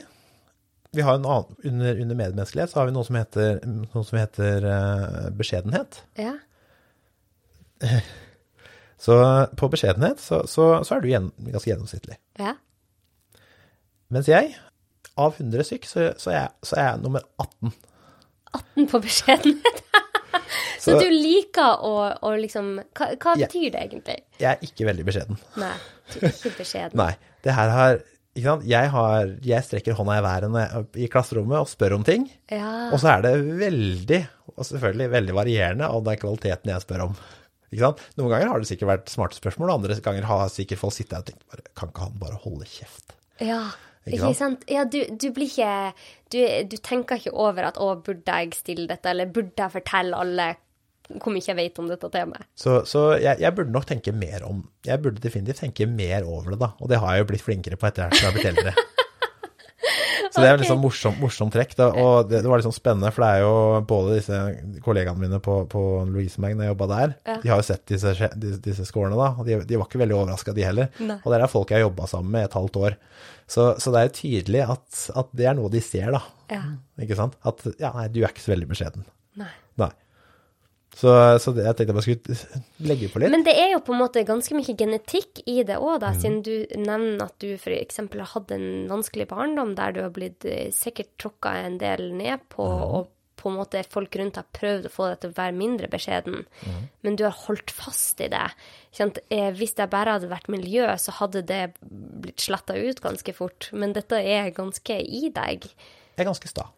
Ja. ja. Ja, nei, ikke sant? Så, så, og det, det er, ikke sant, eh, personlighetstrekka våre er, ikke sant, de er, både er de formbare, men de er også ganske, ganske trassige av seg. Ja. Så de, de, det, det skal en del til å endre de, men det går. Ikke sant? Så, så ja, det, det stemmer det. Det er ganske mange som har bedt meg om kanskje, kanskje du bør tenke litt gjennom det her, Kristian. Eh, og jeg har jo hatt masse erfaringer på det, at det, dette her var kanskje ikke lurt å si. Ikke sant? Men, så, så jeg håper at jeg har blitt bedre på det nå. Altså Christian som 33-åring versus Christian som 20-åring har nok blitt bedre på det, får jeg håpe. Ja. Men samtidig så er det jo viktig at vi har alle aspekter av forskjellige personligheter i denne verden. Det er jo, kjempe, altså, det er jo kjempeviktig, sånn som Hvis alle skulle sittet der og vært beskjeden, så hadde jo ingen stilt de der spørsmålene, så ingen andre torde. så, så, så det er fordeler og ulemper, og det er litt det også som er liksom viktig å po poengtere her, at det er fordeler med å være for, for eksempel sånn som deg da. Du vil jo, du, når du kjenner og ser gleden andre har, og kjenner den, så får jo du masse glede og, og, og gode følelser rundt det. Ja. Så jeg kan jo gi deg ekstremt mye. Ja. Det er jo kjempe, på, en, på en måte kjempenyttig, Ja. så lenge du ikke blir. Ja. Ikke sant? Men det kan også være veldig, eksempel hvis du hadde jobbet med palliativ pleie, og bare sett at folk, skulle på en måte være siste delen av livet hvor de er kjempe, kjempenedfor, for eksempel, Ja. så ville det kanskje ikke vært et veldig godt sted for deg å jobbe, Nei, det, det er sant. for eksempel. For at ikke sant, jeg kunne ikke Eh, Jobba som barnelege, f.eks., mm. som jeg egentlig ønska en stund. For det, det, det, var for vanskelig for meg. Mm. Mm. Ikke sant? Du, du, kjenner, du, kjenner, på litt det for mye, da. Så, så, så, det er jo liksom Det her er litt hvordan man på en måte kobler opp personligheten til hva, hva betyr det egentlig da, når du har den scoren. Mm. Jo, da, det betyr jo at det er ting du passer bedre eller dårligere til. Mm. Sånn som du Hvis du skal fly et fly, f.eks. ta jagerflypilotene våre, da. Du vil jo ikke at de skal være De vil jo at de skal være liksom De skal ikke være så veldig redde for stress. De skal ikke være veldig sensitive for det. Nei. De skal være ganske iskalde. Ja. Ja, ja, ja. ja. Så de tar og rekrutterer folk i militæret ut ifra personlighetstester mm -hmm. og ser hva de passer til. Mm -hmm. Det er jo veldig nyttig. Man burde jo ta en sånn her test før man skal begynne å finne ut hva man skal studere. ja. Problemet er bare at det finnes veldig mange tester. Ja. Og, det alle, og, det er veldig stor forskjell i kvaliteten på de testene. Mm. Det burde vi også kanskje prate litt om, for det er, også, det er en sånn ting som jeg er liksom opptatt av. Da, at det er veldig stor forskjell fra de testene som faktisk har noe for seg, som på en måte kan, på en måte, man kan bruke til å egentlig si noe. Ja. Og, test, og, så er det tester man ikke kan si noe. Det som, det, det som vi kom, kom fram til, um, i forhold til planmessighet ja. Hvordan tror du du scorer? På planmessighet? Ja. oh, det, det, vet jeg ikke. Altså, jeg, jeg, er veldig, veldig glad i å holde orden på enkelte ting, sånn som mm. mappe inn på Google Disk er jeg veldig god på. Mm. Eh, jeg er setter mål og klarer som regel å holde de. Mm. Eh, så kanskje average. Sånn til en viss grad. Du er veldig høy da, på, på selvdisiplin. Der er du 90, altså 96, nei, 97 Oi. Ikke sant? Så ja. du er veldig høy der. Så dyktig det klarer du. Ja, Apropos, det blir samboeren min litt sliten av. Ja. Det, veldig, det, kan være slitsomt for andre som er litt mer avslappa. ja. Det er også noe som kan skape litt, eh, litt, litt gnisninger innad i, i, forhold, vet vi. At det er forskjellig planmessighet. For at den ene kan være veldig, veldig på at ting må gjøres sånn og sånn og sånn i den rekkefølgen, da og da. Er den andre litt mer laid back på det, ja. så skaper det ofte litt gnisning, da. Men jeg er jo ganske laid back på liksom planer generelt. Ja. Men hvis jeg setter meg mål, mm. Så, så, har jeg god selvdisiplin. Men liksom mm. sånn Hvordan scorer jeg liksom på selve liksom planlegge livet? Nei, der er du ganske gjennomsnittlig, men du ja. er litt, litt, under, litt under liksom topp, toppen da, på okay. Ja, men det, det stemmer. Det stemmer godt. Mm. Så, eh, men akkurat det med selvdisiplin ikke sant? Her på, om dagen på bursdagen min så fant jeg ut at åh, nå skal jeg lære meg alle verdens hovedstader igjen, for det kunne jeg for mange år siden. Mm. Og da klarer jeg ikke å gi meg.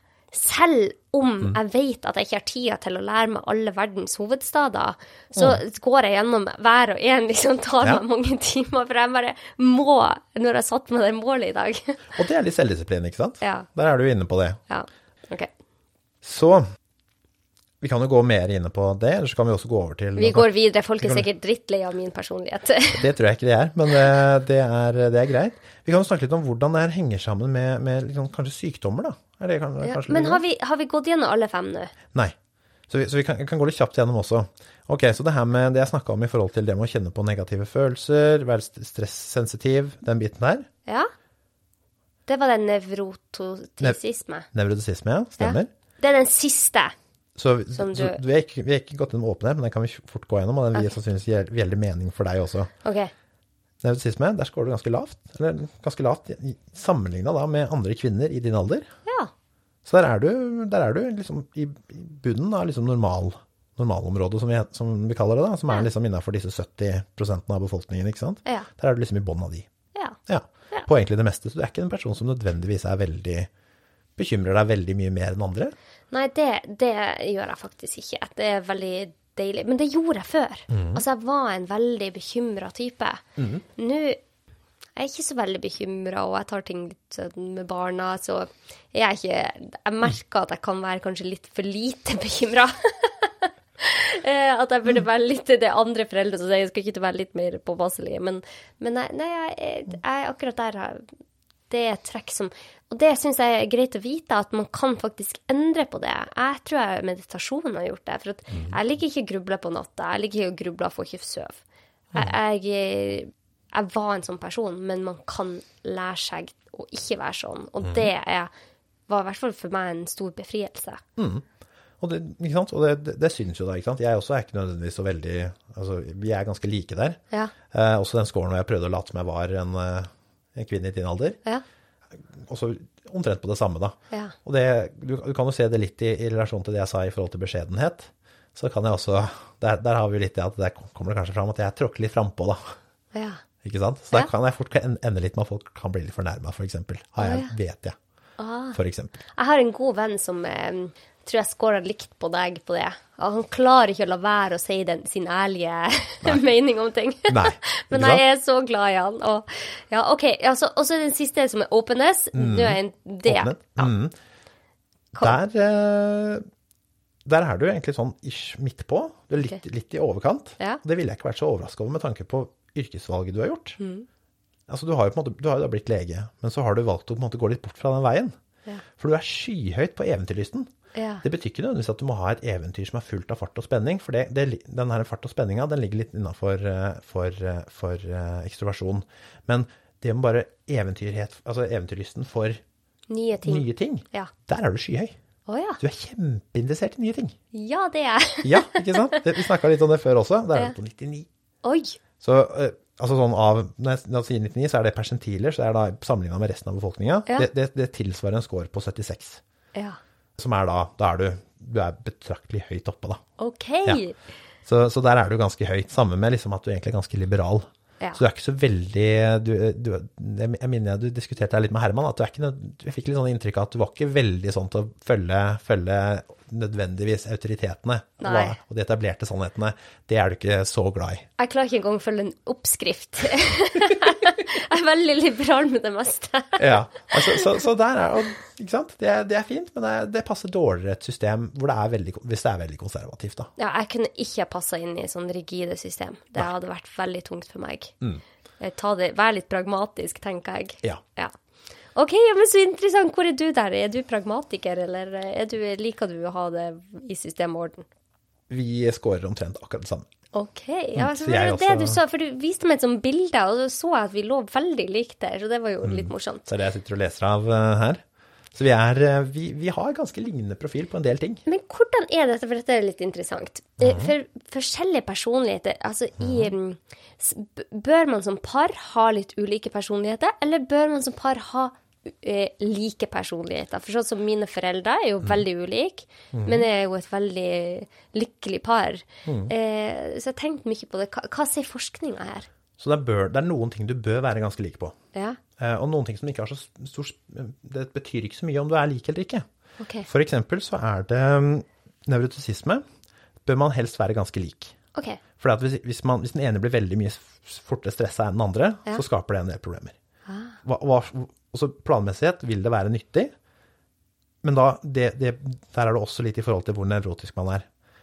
Hvis begge to er ganske nevrotiske, da, ikke sant? lett stress, eh, at det blir lett påvirka av stress, men den ene er veldig opptatt av at ting skal være i system, og den andre ikke er det, Ja. kan du tro det åssen den krangla der blir. Den ene vil at ting skal være gjort etter en plan, de har ukesplan, de har liksom satt opp når ting skal skje, ting må ryddes, ting må Altså, de har, lager seg systemer, Ja. og så følger ikke den andre det. Ja. Had, hvis du er den personen som lager systemer, hvor oh. provoserende er ikke det? Ja, nettopp. Ja. Og den andre sitter og tenker 'herregud, er du mora mi', eller? Altså, Ja, ja, ja. Men jeg tenker liksom sånn, du sier at de burde være like på nevrotisisme, men Mm. samtidig så er det jo ganske Jeg ser for meg det forholdet der der begge to er på 90-persentilen på nevrotisisme. Det, Mm. det kan jo bli veldig mye engstelse og bekymring. så, og det er også det vi ser, at liksom, folk som er høyere på nevrotisisme, sliter mer i forholdene sine. Dessverre. Så, så er, du, er du veldig sensitiv for ting, du er veldig lett, tar til lett, lett kritikk osv., så, videre, så går det ofte dårligere, da. Så begynn å meditere. For eksempel. Det Jobb med det. hjelper veldig. Ja, eller et eller annet som gir deg ro, ja. Mm. Jeg er veldig for eh, mindfulness generelt i praksis. Veldig, veldig for. Eh, Jeg har brukt det mye sjøl. ja. Anbefaler det. ja. det, det, det Og det virker faktisk på Ja, ja. personligheten. Det syns jeg er veldig interessant. Så, så det, det ville være liksom evnen din til å kunne ta et lite skritt, skritt tilbake, se deg, se den andre. Litt i parterapi er det egentlig litt det du holder på med, at du bare vil få, når, når, ting spisser seg til, og folk blir sure og begynner å grave skytterkraver og sitter bare og lobber granater, bare sånn 'du er dritt', nei, du er dritt, nei, du er dritt. Så vil du få, du vil ikke, du vil ikke få vekk temperaturen helt, men du vil få den litt ned, sånn at du får på liksom ev evnen min til å kunne se deg og skjønne hva du mener. Ja. For at argumentasjonen om når man blir sinna på hverandre, er jo bare at Nei, du er sånn. Det, sånn sa du det. Du sa det. Ja. Du blir veldig befalende til hva den andre mener og sier. Ja. Trenger ikke være Men så er jo ikke alltid det treffer. Du vet, det er ikke alltid at jeg skjønner Hvis vi hadde krangla, så er det ikke sikkert at jeg skjønner hva du egentlig mener, men jeg tror det. Så blir jeg veldig sikker på det. Ja. Så med meditasjon så trener man nettopp på det å få, få ned trykket litt, sånn at, du, sånn at vi klarer å forstå hverandre igjen. Ja. Ja. Så øhm, med, men med høy nevrotisisme så blir det vanskelig, da. Så dessverre. Mm. Um, da er det veldig godt å vite at man kan gjøre noe med det. ja. Så det stemmer. Ok, så nå er vi ferdig med min personlighet, og, og eh, det var veldig interessant for meg, men jeg håper at ikke resten av folket syns det var helt forferdelig kjedelig. Vi må gå videre til noe mer spennende. Ja. Eh, eh, um, altså, vi har vært inne på dette med kulturen og landet. Det, det påvirker jo personligheten vår. Men og, og så har vi vært inne på at Neopi, eller den der Big Five, den er ganske god, så jeg kan legge ved det hvis dere vil ta en test. Og man bruker personlighetstesting i ganske masse yrker nå. Sånn som eh, min eh, nabo her, eh, en annen nabo av meg, han, han gikk innom meg faktisk når jeg tok den personlighetstesten, så sa han ja, ja, alle mine Han driver et stort firma. Alle mine ansatte må ta det, sier han. For, Og det er ikke det at han vil Han sier han vil ikke ha masse av de samme personlighetene, men han vil sette i gruppe med hverandre, så de forstår hverandre. Hva, kan du fortelle litt om det? Så hvis um, Så du vil, du vil jo ha, som vi snakka om, ikke sant, nevrotisisme, selv om nå har jeg snakka om det som at det er bare, liksom, nesten bare negativt. Ja. Samtidig så er det også nyttig å vite når, når begynner det her å gå skeis. De som er veldig nevrotiske, vil jo begynne å kjenne på at nå er det noe som ikke er helt som det burde være. Ja. I en bedrift, kjempenøye, eller kjempeviktig. Sitter du på en måte med at du gjør noen store investeringer, og så er, og så er, det- er kanskje grunnlaget litt, litt sånn dårlig, så vil en person som er nevrotisk, reagere på det fortere enn en person som er mindre nevrotisk og tenker eh, det ordner seg. ja. Ikke sant? Ja, ja, Så, så det er jo nyttig å ha. Så i flygetårn, nei, det er tårnene på Vi vil ha folk som er litt nevrotiske der. Så du, og, der har du jo sett en del ulykker som har skjedd, nettopp fordi at folk ikke har vært nevrotiske. Nei. De har ikke vært nevrotiske nok. Så det er bare sånn Det var en sånn tragisk ulykke hvor det var et fly som, som styrta fordi det gikk tom for drivstoff, fordi det drev og sirkla og fikk ikke lov til å lande. Og så turte ikke piloten å si at du, vi nå må Nå, har vi tom, nå er vi tomme for, for, for drivstoff. Nå går vi ned. Det turte ikke vedkommende å si. Oi. Flyet styrta. Et, en stor tragedie. Men der er det viktig å ha noe av det. Ikke for mye, men i passende mengde. Som alt annet i livet. En slags gyllen middelvei. Ja. Så, så, så det, det vil du ha. Du vil også ha på en måte, du vil ha personer ikke sant? Så du, vil, du vil ha personer som kan sette ting i system, gjøre det enkelt, kunne liksom knytte ting sammen. Ikke sant? Sånn som folk som vil ha da forretningsplaner, de vil ha liksom struktur, de vil ha liksom at prosedyrer skal være på plass. Veldig viktig til folk til f.eks. på sykehus. Har du ikke prosedyrer for hva som skjer når ting, folk kommer inn med forskjellige typer sykdommer, så har du et stort problem, da. Hvis alle, hvis alle legene skulle prøve å finne opp kruttet hver gang det kom inn en ny pasient med et eller annet, Ja, ja. da hadde det blitt veldig vanskelig å drive et sykehus. Men det jeg bare tenker nå når du snakker, Kristian, er at det som er eh, sant, er at vi trenger alle forskjellige typer personligheter i forskjellige typer roller, og at det hadde virkelig ikke vært bra om vi alle var like. Nei, og for eksempel sykepleiere, det, det, er noen, det er noen karakterer innenfor som er syk, sykepleiere særlig, som jeg har snakka med. For på en annen side, du vil jo være ganske medmenneskelig som sykepleier, Ja. ikke sant? ja, herregud, takk og lov for de. Takk og lov for de. Ja. Og men samtidig, så, som, som du var inne på, det er, ikke, det er ikke så alltid så behagelig for de. Hvis de går og kjenner på all den smerten og Ja. det vonde som, de, som pasientene går og kjenner på, så er, det en, så er det en, eh, en belastning for de personlig, de sykepleierne som har det. Og samtidig så har vi noen av disse sykepleierne som, uansett om det så er liksom eh, direktøren på sykehuset som kommer, så sier de meninga si. Ja. De skyter fra hofta, ja, jeg digga det. og det kan være litt, og det kan være litt slitsomt for de andre rundt, hvis, hvis du er målet for det de sier. Ja. Ja. Men de settes også pris på, ikke sant? Ja. Det, det, det her er folk som blåser litt i at dette her er liksom normer og reglene for hva vi har lov til å si til sjefen. De bare Du, det her funker ikke. Ja. Super, også superviktig. Ja. Men samtidig så vet vi at det er noen roller som funker bedre med noen personlighetstyper enn andre. For eksempel så, så skal det være barnehagelærer, så er det kanskje ikke lurt å være kjempeplan, nødvendigvis kjempeplanmessig, fordi at ungene også rundt er jo veldig kaotiske. ja. Så du må, du må klare også å operere litt i det miljøet. Så er det ikke lurt å være for planmessig, f.eks. For, eksempel. for du må, du må klare, du må tolerere at det er litt kaotisk, og ting skjer ikke etter en, etter en, etter en, etter en sjekkliste. Ikke sant? For eksempel så er det kanskje ikke Skal du jobbe som selger, så bør du være ganske ekstrovert.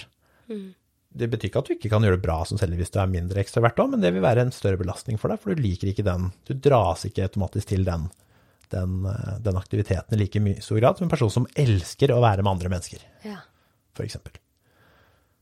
Men brukes dette sånn eh, Er det land der man faktisk tar personlighetstester før man begynner å studere? Altså, Jeg tenker at Det hadde jo vært veldig nyttig for veldig mange. Det er, veldig, det er veldig nyttig hvis den personlighetstesten du tar, er god. Ja. Ikke sant? Sånn du har en, du har en haug av personlighetstester. Mange av de er ekstremt dårlige, og du kunne egentlig helst latt være.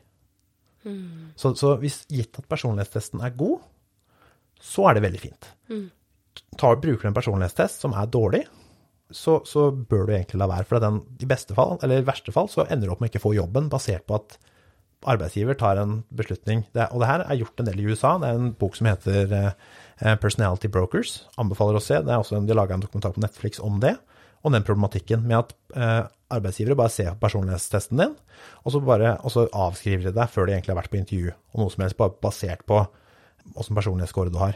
Ja. Og, da, og det blir et misbruk, ikke sant. Da, da gjør du det ikke ordentlig. Eh, og du, du, og du, du gjør noen slutninger, for det er jo Når vi ser på f.eks. personlighet og hvordan det henger sammen med, med psykiske lidelser, f.eks., mm. så, så er det en korrelasjon. Det betyr ikke at det ene fører til det andre. Nei. Ikke sant? Så, så man skal være forsiktig med å, med å se på en, personlighets, altså en personlighetstest da, og si at du kommer garantert til å ha masse sykefravær for eksempel, og det vil vi ikke ha. Så det er det man skal være forsiktig med. Så man har jo eksempel en, test som er, en, en personlighetstest som er veldig populær, som heter Myers-Briggs Ja. Type Indicator. Ja, den har jeg hørt om. Ja, den er, den er veldig, veldig kjent. Den er også veldig dårlig. Oi! Ja. Det er flere ting med den. Når vi bruker sånn kort fortalt, når vi skal teste en person, når vi skal måle om en personlighetstest er god eller ikke, så er det to mål som brukes. Det ene er validitet. Eh, Det er selvfølgelig mye mer komplisert enn det her, men jeg gjør, nå prøver jeg å gjøre det enkelt for, eh, for allmuen. Validitet? Treff, måler vi det vi ønsker vi skal måle. Hvis vi ønsker å måle A, så må vi ha spørsmål som faktisk måler A og ikke B. Ja. Ikke sant? Når, når, hvis jeg stiller deg et spørsmål om hvor, hvor glad er du i andre mennesker? Så, vil du, så vil du svare et eller annet. ja. Men det er et det er et dårlig spørsmål. Vil, vil jeg Eller det er et lite spesifikt spørsmål. Hvis, hvis, jeg om, hvis jeg hadde spurt deg, da, liker du å være, liker du å være sentrum av, av, av en sosial sirkel, og du sier med masse folk, og så ville du sannsynligvis svart nei, ikke sant? basert på hva vi vet om personligheten din per nå. Ja. Og hvis jeg da tar en beslutning på at nei, du er sannsynligvis ikke så glad i andre mennesker, basert på det, det så blir jo det feil. Nettopp. Så, så vi, så med validitet så, så måler vi på en måte Da måler vi om Da måler vi på en måte det vi ønsker å måle. Ja. Det er et mål på det. Og så har vi noe som heter reliabilitet, som betyr at den, eh, som er en annen type mål, som ser om vi på en måte treffer blink etter flere ganger. Så måler vi det samme. Eller gir, jeg deg det samme spørreskjemaet, sånn som på Big Five, så, så vil det være ganske liksom Den er god, for så vidt god nok på begge. Så, så, du, så du vil sannsynligvis få det samme svaret to måneder fram i tid som du hadde svart når, du svarte på nå. Sant? Du svarte på det her før jul. Hadde jeg spurt om det samme i februar, så hadde det sannsynligvis vært ganske likt. Med Myers-Briggs så, så er begge så, er, så er, scorer veldig dårlig på både hva de måler. Og hvor, ofte, og, og hvor konkret de måler det. Ok, men, men du har vært inne på dette med personlighet og sykdom. Jeg tenker at det er veldig nyttig, for vi, vi har så mye å snakke om, Kristian. Ja, jeg vet. Og så vi får ta en eh, episode nummer to her. Men personlighet og sykdom, det leste jeg en del om i den Gabor Maté-boka nå. eh, og, og der ser jeg jo at jeg scorer høyt på agreeableness og på medmenneskelighet. og, og de eh, menneskene der kan ofte få Altså, de har høyere sannsynlighet for å få enkelte sykdommer. Og det tenker jeg jo er for at man kan bli selvutslettende. Fortell meg mer. Er det noe flere karaktertrekk? Er det noe eh, som er greit for oss å vite med de personlighetene vi har? Ikke sant? Så, så det er et stort spørsmål. Det har vel litt av det jeg undersøkte i, når jeg skrev master, så undersøkte vi det opp mot PTSD, da. Ja. Og det, du, det du etterspør om, er jo det vi kaller for beskyttende og risikofaktorer i personligheten din for å få psykiske lidelser. ja. Eller han nevner jo også masse fysiske lidelser. Men ja. ja. Mm. Nå er jeg primært god på Ja. de psykiske, Ja, ikke de ja, ja, fysiske. ja, ja. Der er du betraktelig bedre enn meg. ja, ja. Men, eh, men på de, når, det gjelder, når det gjelder de psykiske lidelsene, så er, jo, er det nevrotisisme, altså høy score der, er også det som henger mest sammen med, med, med psykiske lidelser, som depresjon, angst osv. ja. Ja, det her er også tilbake til det med å snakke om rekruttering. Så er det, er det jo ofte da at arbeidsgivere ikke vil ha folk som er veldig nevrotiske. Men den slutninga er ikke så lett å ta, da. For vi vet at det, det, de to tinga, hvis personligheten din og psykiske lidelser, de opptrer samtidig. ikke sant? Du har, du har jo alltid en personlighet, og du kan ha angst. En angstlidelse. Ja. Men det betyr jo ikke nødvendigvis at vi vet helt konkret hvordan personligheten din påvirker angsten. Er det samme ting, er det ikke samme ting, osv. Så, videre. Så vi ser at folk med mye, som er ganske nevrotiske av seg, de har større forekomst av psykiske lidelser generelt. Det gjelder alle psykiske lidelser, så å si. Okay. Ja. Men derimot så betyr ikke at hvis man har høy N, altså nev høy nevrotisisme, så er på en måte ikke løpet kjørt. Det betyr ikke at du får det. Nei. Nei, nei. Det betyr ikke at du får det, men det betyr, også, men det betyr at ok, da er det en risikofaktor. Så, er- så hvis vi skal se, se på det som et regnskap, så er det jo noe som ligger på på minussida. Så har vi noe som ligger på plussida, som, som f.eks. planmessighet, det vi snakka om i forhold til hvor, hvor mye du på en måte liker planer. Ja. Du f.eks. scorer jo no, noenlunde greit på det. Ja. Og vi- for det vi ser, er at personer som er nevrotiske, ja, de kan få mer. Men er du også en person som er veldig planmessig, så sørger du for, gitt at du har muligheten, til å sørge for å få hjelp tidlig. Så hvis du på en måte, så, så det trenger ikke å være at fordi det er nevrotisk, så vil du få psykisk, mer psykiske lidelser. For du har andre ting som kan bremse og også beskytte. Du Ja. merker kanskje signalet tidligere. Så vi vil merke at ok, her er det et eller annet som ikke er sånn det skal være. Og så er du da en planmessig person, så vil du oppsøke f.eks. fastlegen din, eller oppsøke andre helsepersonell. Du vil argumentere for at jeg skal ha den undersøkelsen av tarmen min. Ja. Jeg vil ha den prostataundersøkelsen. Jeg vil ha ditt, jeg vil ha datt. Ja. Så det er ting, som, så det er ting i personligheten din som både på en måte gjør at du kan være mer sårbar for psy- psykiske lidelser, men det er også ting som kan beskytte deg. Så man må se det som en helhet. Ja. Mm. Så vi kaller det en synergieffekt. Det ene spiller litt på det andre. Så hvis man er lav på, nei, høy på at man er engstelig, og lav på planmessighet, så kan det hende at man ikke tar tak i det heller. Nettopp. Ah, Så det her er jo da typiske mannsgreie, ikke sant, kanskje? Litt, går aldri til legen, Ja. går aldri og sjekker det opp. ja, Det er jo da ofte personer som nødvendigvis kanskje ikke er så planmessige ja. generelt. Personer sånn som meg, eksempel, jeg er ganske planmessig. eh, Og jeg er sikker på at fastlegen min på et tidspunkt lurte på om jeg hadde, om jeg, om jeg, var, om jeg hadde hypokondri. Ja, Det var i, i, I forbindelse med liksom, Jeg hadde en del mageproblemer Ja, i starten av 20-åra, det nevnte jeg litt om. Ja. Da gikk jeg ganske mye til, jeg har gått ganske mye til fastlegen for å prøve å finne ut av hva det her er. Er det IBS? Er det Ja, ja, Og så videre.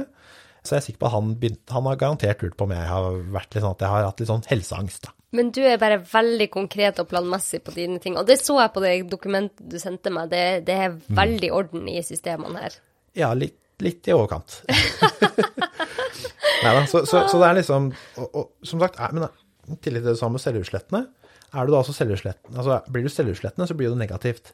Men sånn som det vi har snakka om med deg, ikke sant. Hvis du, hvis du også får Hvis du blir klar over at dette er grensa, så, altså, så mye kan jeg involvere meg i andre. Og får kjempe, da får du kjempemye tilbake potensielt. At du kjenner at andre blir glad, du tar det innover deg, men du gjør det ikke for mye, sånn at det koster deg for mye. Ja, ja, ja. Så det er på en måte litt hvordan man ser på det. At det, handler, det er litt sånn gi og ta. Og ting, ting er på en måte, ja, hva skal jeg si, pr pr pro og con, da. Men hvordan er det, hvordan er, er det noen personlighetstrekk som er positivt for vår helse? Planmessighet er, er, er, er generelt mer positivt, for Ja. da går du og sjekker opp i ting. Ja. Så det er bedre. Kanskje det blir lettere å planlegge maten, vi, Mm. man gjennomfører kanskje litt oftere. Og det er en grunn til at toppidrettsutøvere er ofte ganske planmessige av seg. Hvis de går på en smell, får en skade, så er de, det er jo alltid de som fysioterapeutene kan liksom si at ok, du skal gjøre det og det og det, og så følger de det. Ja. Alle, de fleste av oss andre Gjør så, ikke det. Nei. Nei. Så der er det en forskjell. Ja. Så, så, så planmessighet er, det er, en, det er en, ofte en veldig positiv ting. Det kan, det, kan, det kan bikke over til å bli en negativ ting, hvor du blir litt sånn opphengt i at nei, jeg er jeg sliter med det her. Det her altså, man, man kan henge seg opp litt også i det, hvis man blir, hvis man blir litt for planmessig. Ja. Så det er litt overslaget, da, kan du si. Men måtte jeg på å si, sånn gjennomsnittlig planmessighet er egentlig bare bra. Okay. Så det er bra opp til et punkt. Ok, så, så det er den vi vet som er beskyttende faktor. Ja. Og så er det også, med, også, også ekstroversjon til en viss grad. Du må tørre å si ifra at noe er galt. Hvis, ja. hvis, hvis, du, hvis du mener at noe er galt, og så sier legen din nei, det trenger du ikke å bry deg om, Ja. og du ikke tør å si jo, jeg er sikker på at jeg har at det her ikke stemmer. Ja. Det er også litt ekstroversjon, da. Du må tørre å si nei, du er autoritetsperson, dette stemmer ikke, jeg er ikke enig med deg. Det må du også være litt ekstrovert for å få til. Og det har også en sammenheng med hvordan du føler deg, nei, hvordan eh, din psykiske helse er. Ja. Så det samme gjelder jo også, ikke sant? at hvis ikke du tør, å, hvis ikke du tør å snakke, fortelle psykologen at hvis du syns det er for flaut da, å, å, å si at du syns f.eks. det å gå ute blant folk er vanskelig, du bare holder deg inne, så får du jo aldri hjelp heller. Og du tør, du, tør, du, tør, du tør på en måte ikke å oppsøke hjelpa. Så du må også ha en viss grad av ekstroversjon for å tørre å på en måte utsette deg for ting som er ubehagelig. Dessverre. Så hvis okay. du er, så hvis du er ja, mye plager og holder det veldig inne, Ja. så er ikke det så positivt for deg. Er det noe mer som er greit å vite med personlighet og, og helse, som vi vet om? Det, det er- en del mer, men jeg tror ikke vi, da må vi gå inn i en litt, litt lengre diskusjon på det. Men, så, så vi har litt mer, altså. Men det, er, eh, det får bli til en annen Ja, en det får bli til en annen. Men du, bare tenker, så du har vært inne på at man kan faktisk endre personligheten til en viss grad, men ikke mye. Ganske mye. Ja. Sånn sti, ti standardavvik, Et, et, et standardavvik som er tilsvarer ti, ti poeng. da. ja, det kan man endre. Kan man endre mer enn det? Hvis Altså- man lar det gå lengre tid? Ja, så, så det jeg sa, er at den endringa vet vi kan skje i løpet av en fem til tiårsperiode. Fem til ti år? Ja. Å, herre min hatt. Så, så du må jo holde på med det en stund. Ja. Eh, Men vi ser også, for eksempel, så er det jo noen eh, Han veilederen jeg hadde på, på når jeg skrev hovedoppgave, han og en kollega drev, gjorde noe forskning på å se på psykoterapi, f.eks. Ja. Hvor de, hvor de fant at du, at du fikk endra på, på personligheten. Du blei mindre nevrotisk, for der hadde de folk som hadde minnes at det var depresjon. Ja. Det kan også hende de hadde at det var eh, en generalisert angstlidelse. Og du så at personene før og etter behandling var mindre nevrotiske. Når de skårte, når de, når de, skårte, når de fylte ut uh, Men ikke mer enn én standardavvik. Så jeg husker ikke helt nøyaktig, nøyaktig hvor mye det var på Så- stående fot. så Men det var liksom, det var en, men det var en, det vi kaller en signifikant forskjell. Så det var ikke bare en ting vi fant tilfeldig, Ja. men det var en signifikant forskjell. Men det er veldig greit å vite at man kan faktisk endre en god del, i hvert fall. Mm. For at en standardrevy kan ha ganske mye å si for livet ditt, Mm. fra å gå til å være 90 i uh, engstelig til 80. Så, så Ja. vil det ha en stor uh, påvirkning på ditt liv. Ja. Men hvordan er dette med sånn selvtillit og selvfølelse? Kan man se noe av- det på personlighetstester? ja, det kan du. Så eh, selvfølelse, for eksempel, den vet Altså, det, jeg syns det er et veldig spennende begrep, for der hadde jeg en hypotese om at jeg syns ikke det egentlig Altså, sånn som de definerer eh, selv, selvtillit i psykologien, var jeg ikke helt fornøyd med det. Så jeg tenkte at her må det være noe eh, Her må det på en måte være noe som henger, henger sammen med personligheten min. Og det, det, det som er litt rart, er at man må prøve å måle selvtillit, da, for det er en litt sånn vanskelig ting å måle, egentlig. Ja. Vi, vi tror det er en litt sånn fast, fast sak, men det, er, det viser seg å være egentlig ganske vanskelig å måle. Når de har prøvd å måle det, så henger det sammen, egentlig sammen med den depresjonsskalaen inni på nevrotisme. Så om du er, er litt sånn deprimert og litt sånn For det, det sier jo noe om at du, du, du søker ikke så mye framover. Du sitter mye og grubler og tenker 'Å, tenk om jeg sa feil der, tenk om jeg gjorde feil der', tenk om jeg, Når jeg sa det, tror du den personen ble lei seg? Når du sitter og holder på mye med det, så blir det på en måte litt det motsatte som selvtillit. Ja, men det, vet du hva, det it makes sense. For at før, når jeg var veldig sånn grubla og styra på, så så jeg tror jeg må ha gått flere standardavvik jeg ned. Så hadde jeg jo dårligere selvfølelse og selvtillit, og, og grubla veldig mye. Sa jeg det? Hvorfor sa jeg det? Jeg bruker ingen tid på det nå. Eh, så Så deilig, er det ikke det? jo, det er veldig deilig, og jeg skulle så ønske at alle kunne få det sånn, for at jeg vet jeg hvordan det er å ha dårlig selvfølelse og selvtillit, og Mm. det er så tappende for at etter hver te telefonsamtale eller du har møtt folk i gangen, så driver og grubler over hva- hvorfor sa jeg det, og hvorfor kan jeg ikke si det. Det, det er så altoppslukende det å gå rundt med dårlig selvfølelse. Det er det. Og så, litt sånn i, i tråd med det, da, så, så har det, har det blitt snakka mye om imposter syndrome.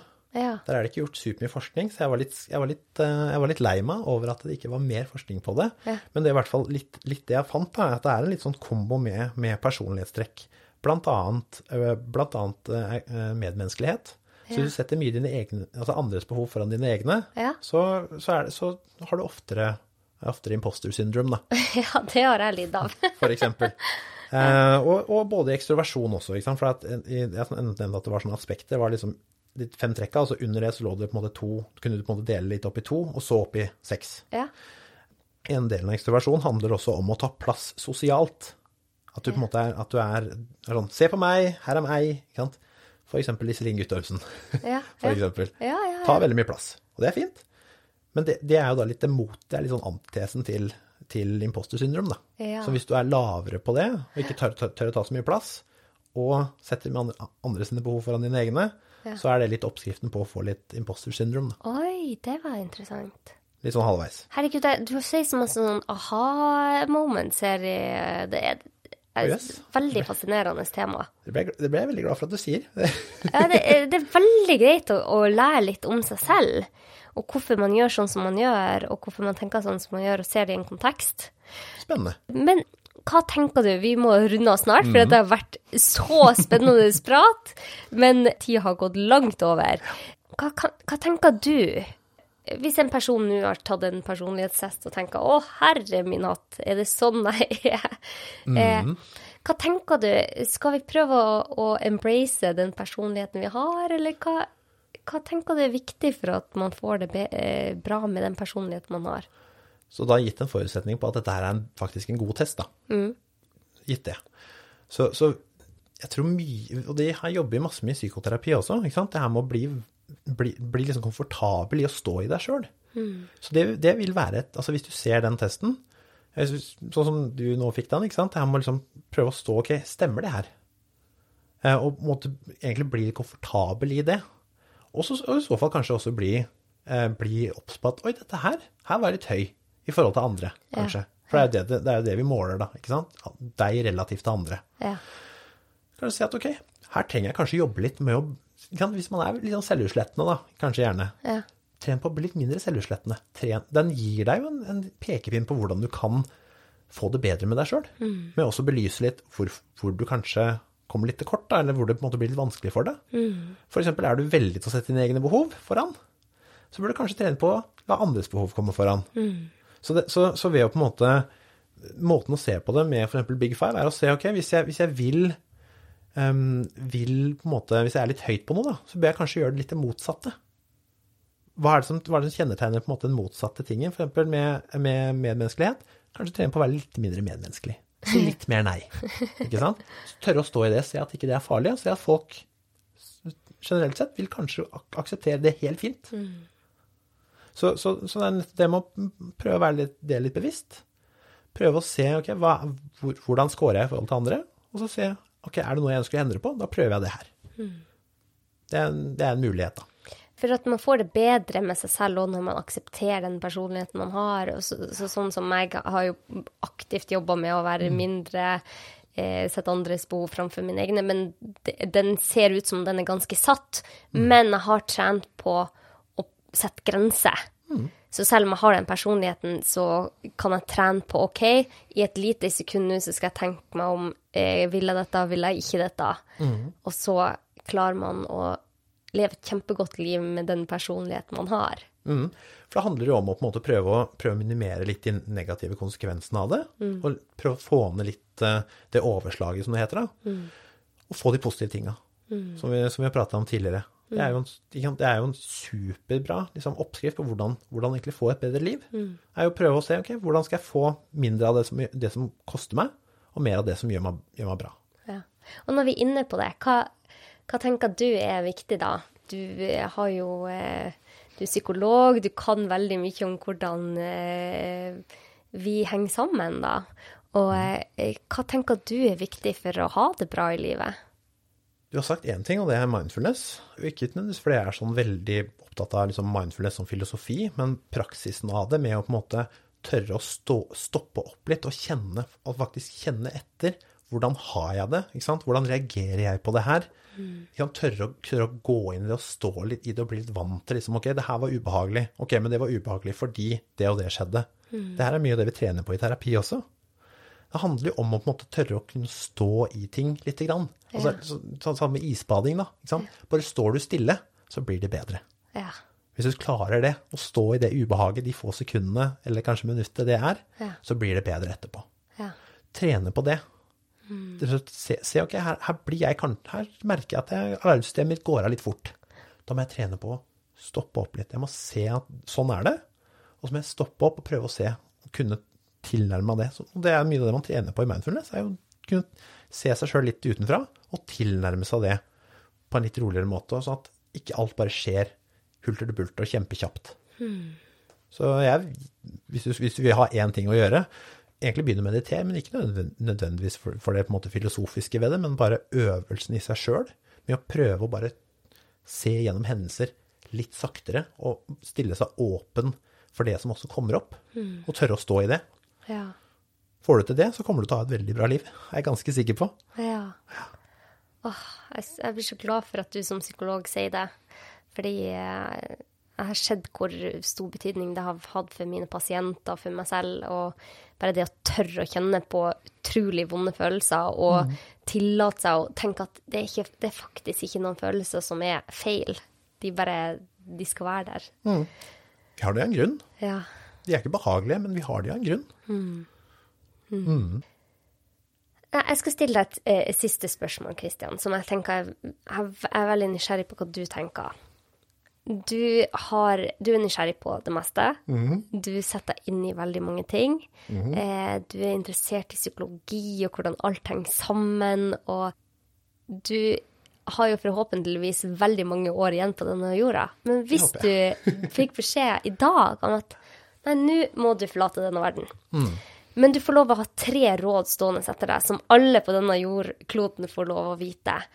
Eller sitat eller tips eller ting. Hva ville det vært? Så det første har jeg jo kanskje sagt litt, det her med å tørre å gå, altså tørre å stå litt, ha litt is i magen med å stå i vonde ting. Fordi at det vil etter hvert lære deg hva du trenger, det vil si noe om behova dine. Så det med å tørre å møte vonde følelser, du omformulerer det fra dårlige til, altså dårlige følelser til vonde følelser. For at der er det mye gull i forhold til hva du trenger. Så tør å stå litt i det. Det er det første. Det andre er prøv også å se litt på hvem personer er det faktisk som gir deg godt, eller gjør deg godt. Det er hvorfor jeg skriver på en måte at jeg har den beste samboeren i verden. For at, altså, hun er så viktig for, for meg og hvordan jeg har det. Ja. Ikke sant? Og det kan høres egoistisk ut på en side, men, men hun er ekstremt viktig at jeg Altså, jeg har det så mye bedre nå etter jeg ble sammen med hun, eller Camilla som hun heter, enn jeg hadde det før. Fordi at hun også gir si, bidrar veldig mye til veldig mye positivt i mitt liv. Ikke sant? Og det er en dame med mye klare meninger og mye trøkk, så det er ikke sånn at vi bare har, har det flott hele tida. Men finn, prøv også å finne personer som er gode for deg. For det er ekstremt viktig. Faktisk er det noe av det viktigste du kan drive med, er å finne personer som er, er, er viktige for deg og gode for deg. Da. Men, det betyr, men det fordrer også at du må kjenne etter sjøl. For å se forskjellen. Sant? Tillat deg til å se når du er sammen med Camilla, f.eks., hvordan du har det. Når du er sammen med noen du har hengt med hele livet, som du bare Det blir en vane, men hvordan føler du deg faktisk etter det? Så, så kunne ta den, for det handler både om å måte prøve å rydde litt inn- innabords, og også prøve å se litt hva skal jeg si, rundt da, på hvem, hvem som er og bidrar til ting. Så det er de to. Eh, Det siste Prøv å være nysgjerrig og utforske ting. For guds skyld, utforsking. Det, skal du finne ut av hva du, hva du liker, så må du også finne ut hva du ikke liker. Så jeg tror det er de tre. Ja. Det syns jeg var så fint! Tusen takk, Kristian, for at du tok deg tid til å bli med. Tok deg hele veien ut hit til Fornebu og deler så rikt av din kunnskap. Ja, det var veldig morsomt at du ville ha meg på det. Jeg, det, jeg, har, jeg hadde jo et lite moment før, vi, før, før jeg kom hit i dag. Jeg bare sto ute på, ut på en, en brygge her og liksom var jo, falt en tåre. holdt jeg på å si. Jeg bare tenkte på, det her, det her kommer til å bli så moro. Jeg gleda meg så mye. Å, hvor hyggelig at du sier det, Kristian! ja, det, ja, nei, så det, det her har virkelig sånn Åh, det her kjenner jeg Ja, det her var gøy. Skikkelig, skikkelig moro. Vi kommer nok helt garantert til å ses igjen. Du har et langt eh, psykologliv framfor deg der du kommer til å sette deg veldig godt inn i mange ting, så jeg gleder meg til vi skal ta en prat på nytt. Det blir veldig spennende. Ja. Jeg, følger, jeg følger deg fortsetter å følge deg, jeg, vet du. Så vi hører, hører på podkastene. Mm. Tusen takk, Kristian. Det er i hvert fall hyggelig at du eh, setter pris på å være her. Og jeg, jeg syns det er så artig, for jeg møter på så utrolig masse fine folk gjennom denne podkasten. Og så tenker jeg at eh, for de som har hørt denne episoden og tenker åh, det her var nyttig, eller min samboer hadde hatt godt av å, å skjønne litt i sin egen personlighet, eller mm. du syns selv at det er interessant, så kan du bare trykke på linken under episodeinfo for å ta en personlighetstest selv, og del den med noen du tenker, du tenker det er nyttig for. Og med det så tenker jeg at eh, jeg vil bare si at du er så bra som du er, Og for min del så har det vært så viktig å bare akseptere at jeg er akkurat den jeg er. Så det håper jeg at du òg gjør. Og eh, takk til alle dere som abonnerer, som gjør det mulig for meg å drive podkast. Og med det så sier jeg takk for i dag. Ha en fin dag.